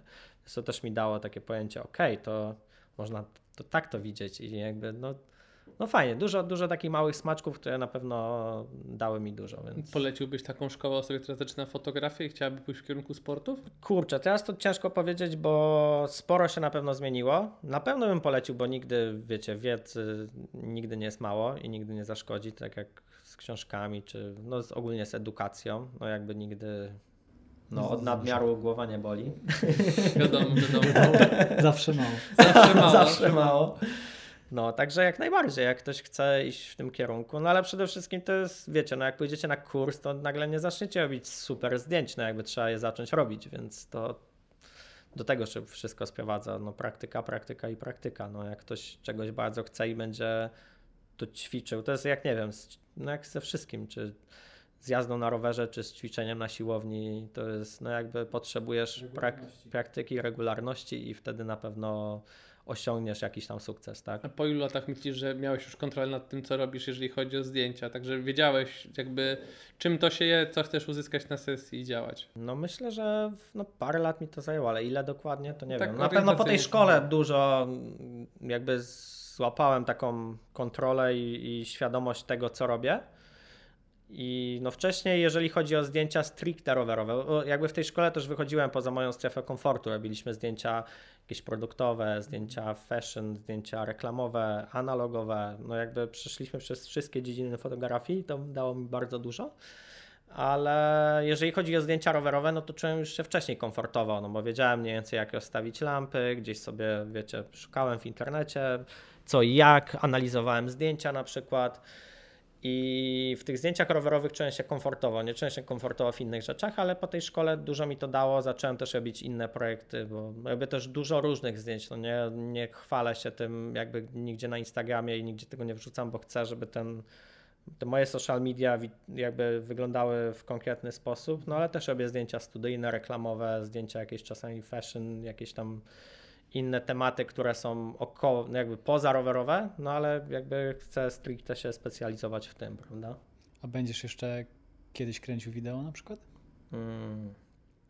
Nie, chyba nie. Nie wiem, no w sumie czemu nie? Jakby jakby mi ktoś pokazał, jak to obsługiwać, To jest to, nie? to Jakby- chyba tak, chyba nigdy nie miałem tak, że mi ktoś, tak jak na przykład, nie wiem, Kefir, że mi pokazał, ok, to tu musisz zrobić tak i tak i jak, myślę, że mógłbym fajnie nagrywać i też czasami mam taką ochotę, że mówię, kurczę, to jakby na zdjęcie nie siedzi, ale... na filmie Na byłoby... filmie zajebiście, nie? Jak ktoś robi na przykład crank flipa, czy jakieś tam inne rzeczy, to wiem, że można by to super ugrać i ja często jak pracuję z filmowcami, to im też pokazuję, wiecie, bo filmowiec siedzi tutaj i robi to, a ja idę na przykład, robię coś z innego Masz kadru kadr, no. i mam inną perspektywę i mówię, stary, zobacz na to, nie? Jakbyś to trochę poruszył, to o, no, no, zajebiście, idzie i to robi na przykład i często fajna jest taka praca fotograf, filmowiec, bo wymieniamy się Dużo się pomysłami. człowiek uczy.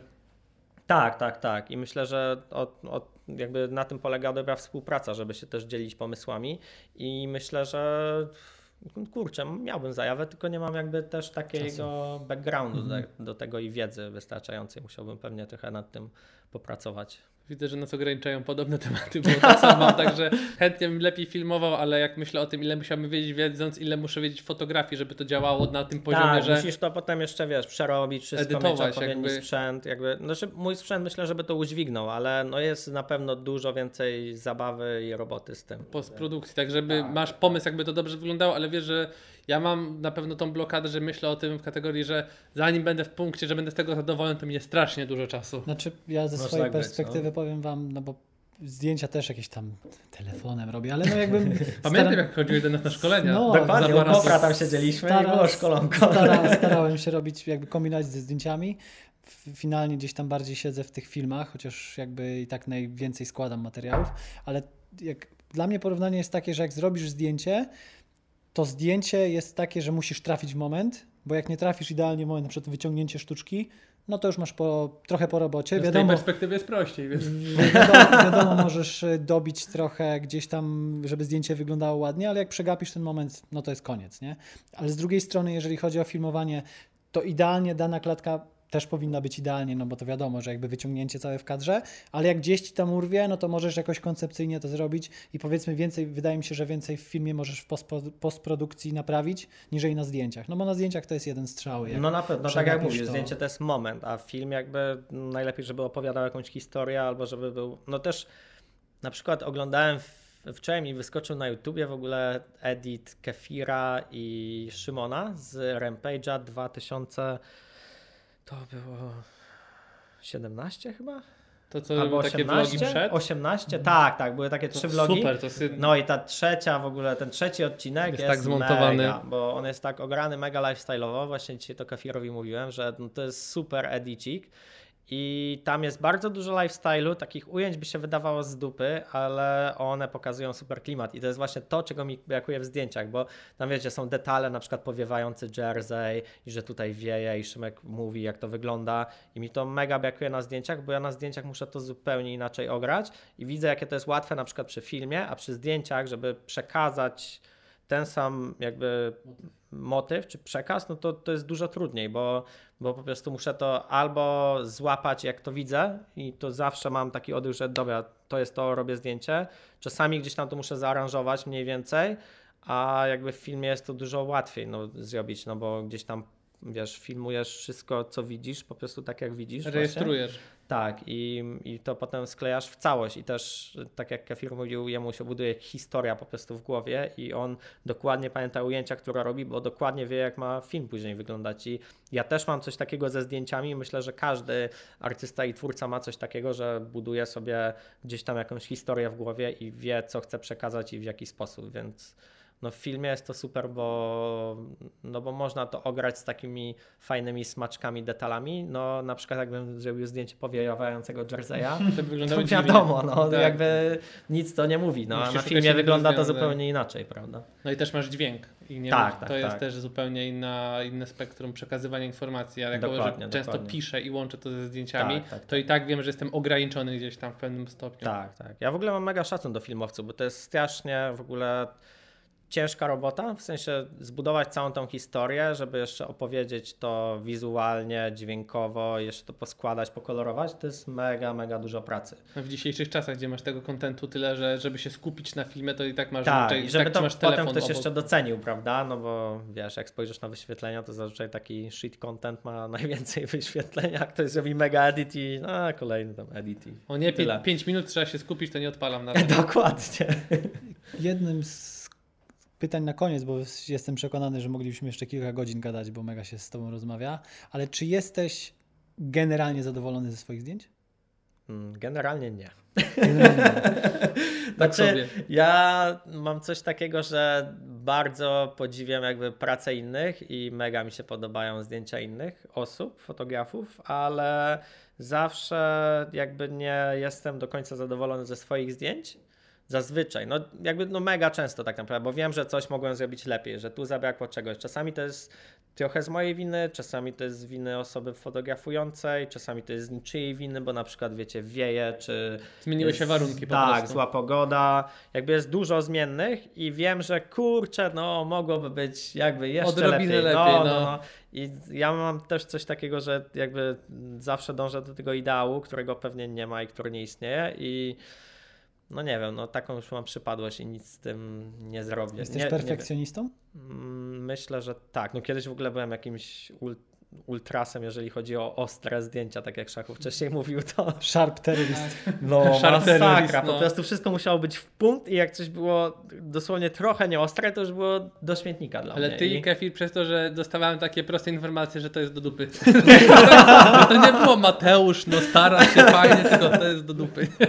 No naprawdę wiem, że mnie to ukształtowało jako osobę, która też wiedziała, że kurde, no jak nie dostarczam czegoś, co jest warte do wrzucenia na główną stronę, to w ogóle nie, nie ma sensu się w to bawić jakby. Tak, tak. No ja teraz, no, mówiłem wam wcześniej, byłem właśnie z, w jury w takim e, konkursie fotograficznym właśnie rowerowym w Finlandii, który chyba teraz jakoś będą te finały i tam w jury było jeszcze paru filmowców i fotografów i głosowaliśmy na zdjęcia, dostaliśmy 10 najlepszych zdjęć, na przykład tam była jedna fota, która ja już na low-resie widziałem, że jest out of focus i rider jest wiecie zblurowany, a drzewka super ostre, nie?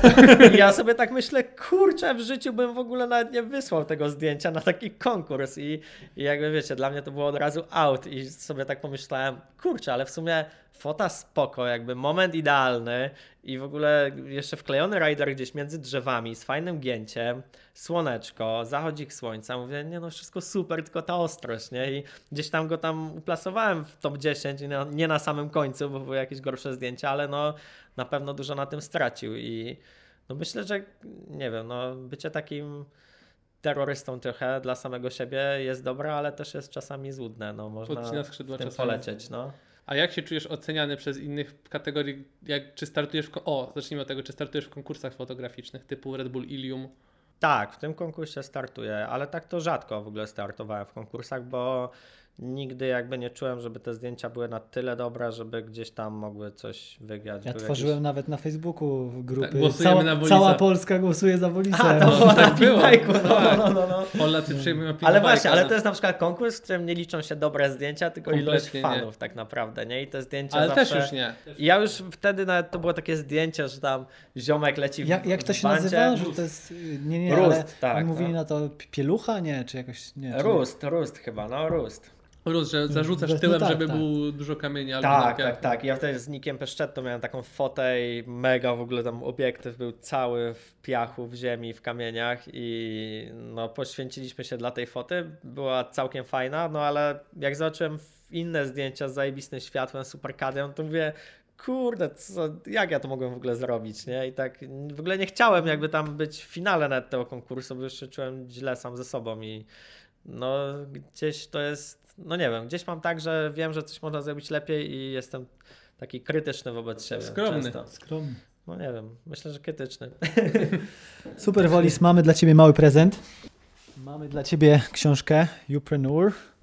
Proszę bardzo, będziesz mógł Dziękuję sobie bardzo. porozkminiać jeszcze o generalnie o sobie, o marce osobistej. Super, i, i dziękuję sobie. Także mamy zawsze na koniec taką, taki mały prezent. No i klasyczne pytanie, Wolis, produkt lub usługa do stówki, które sprawiły, że się uśmiechnąłeś ostatnio. Hmm. Produkt, e, czekaj, czekaj. Co by to mogło być? Do stówki? Do stówki, no. Hmm. Ale to może być... Co e, chcesz. okej. Coś, co sprawiło, że się uśmiechnąłeś. O, wiem, niedawno sobie, a to nie, to nie było do stówki. Ale na przykład kupiłem sobie ostatnio powerbank. O, o. E, Nie, wiem, no jakby nie sprawiło to, że się uśmiechnąłem, ale kupiłem powerbank, którego zawsze potrzebowałem, a nigdy nie miałem i w sumie na pewno mi to A uratuje to do telefonu tyłek. czy do aparatu? Do tego i do tego. Taki Xiaomi y, 20 tysięcy mAh za dokładnie 99 zł, aż byłem w szoku, że to jest takie tanie. To jest super pojemność i na pewno mi to uratuje tyłek na niejednym tripie, bo już nieraz mi się zdarzyło, że ląduję gdzieś za granicą, telefon rozładowany po locie i nie wiem jak nawet włączyć Google Maps i muszę ładować gdzieś to z laptopa po drodze, więc na pewno mi to ułatwi życie. Znam temat. Już tutaj jest. Powerbank odpalony. Jakby mam te same problemy, więc wiem o... Nie pamiętam o tym, żeby naładować, ale Dokładnie, też problemy trzeciego świata. No. Gdzie cię można znaleźć w internecie?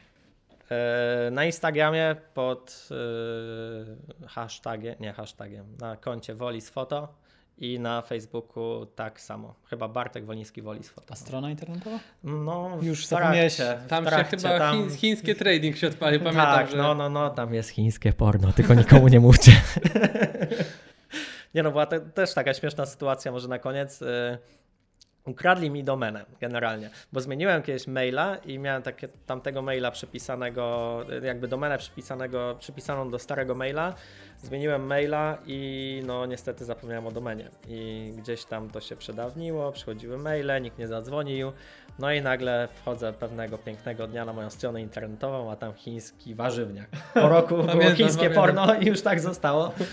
Także no stronę mam cały czas w trakcie, ale no wrzucam wszystko na bieżąco na Instagram, więc zapraszam na Instagram. No, pewnie tego nie sprawdziłeś, ale ja sprawdziłem, co znaczy wolis po chińsku. Co? Płodny. To Agata się ucieszy. Dzięki wielkie za rozmowę. Dzięki wielkie.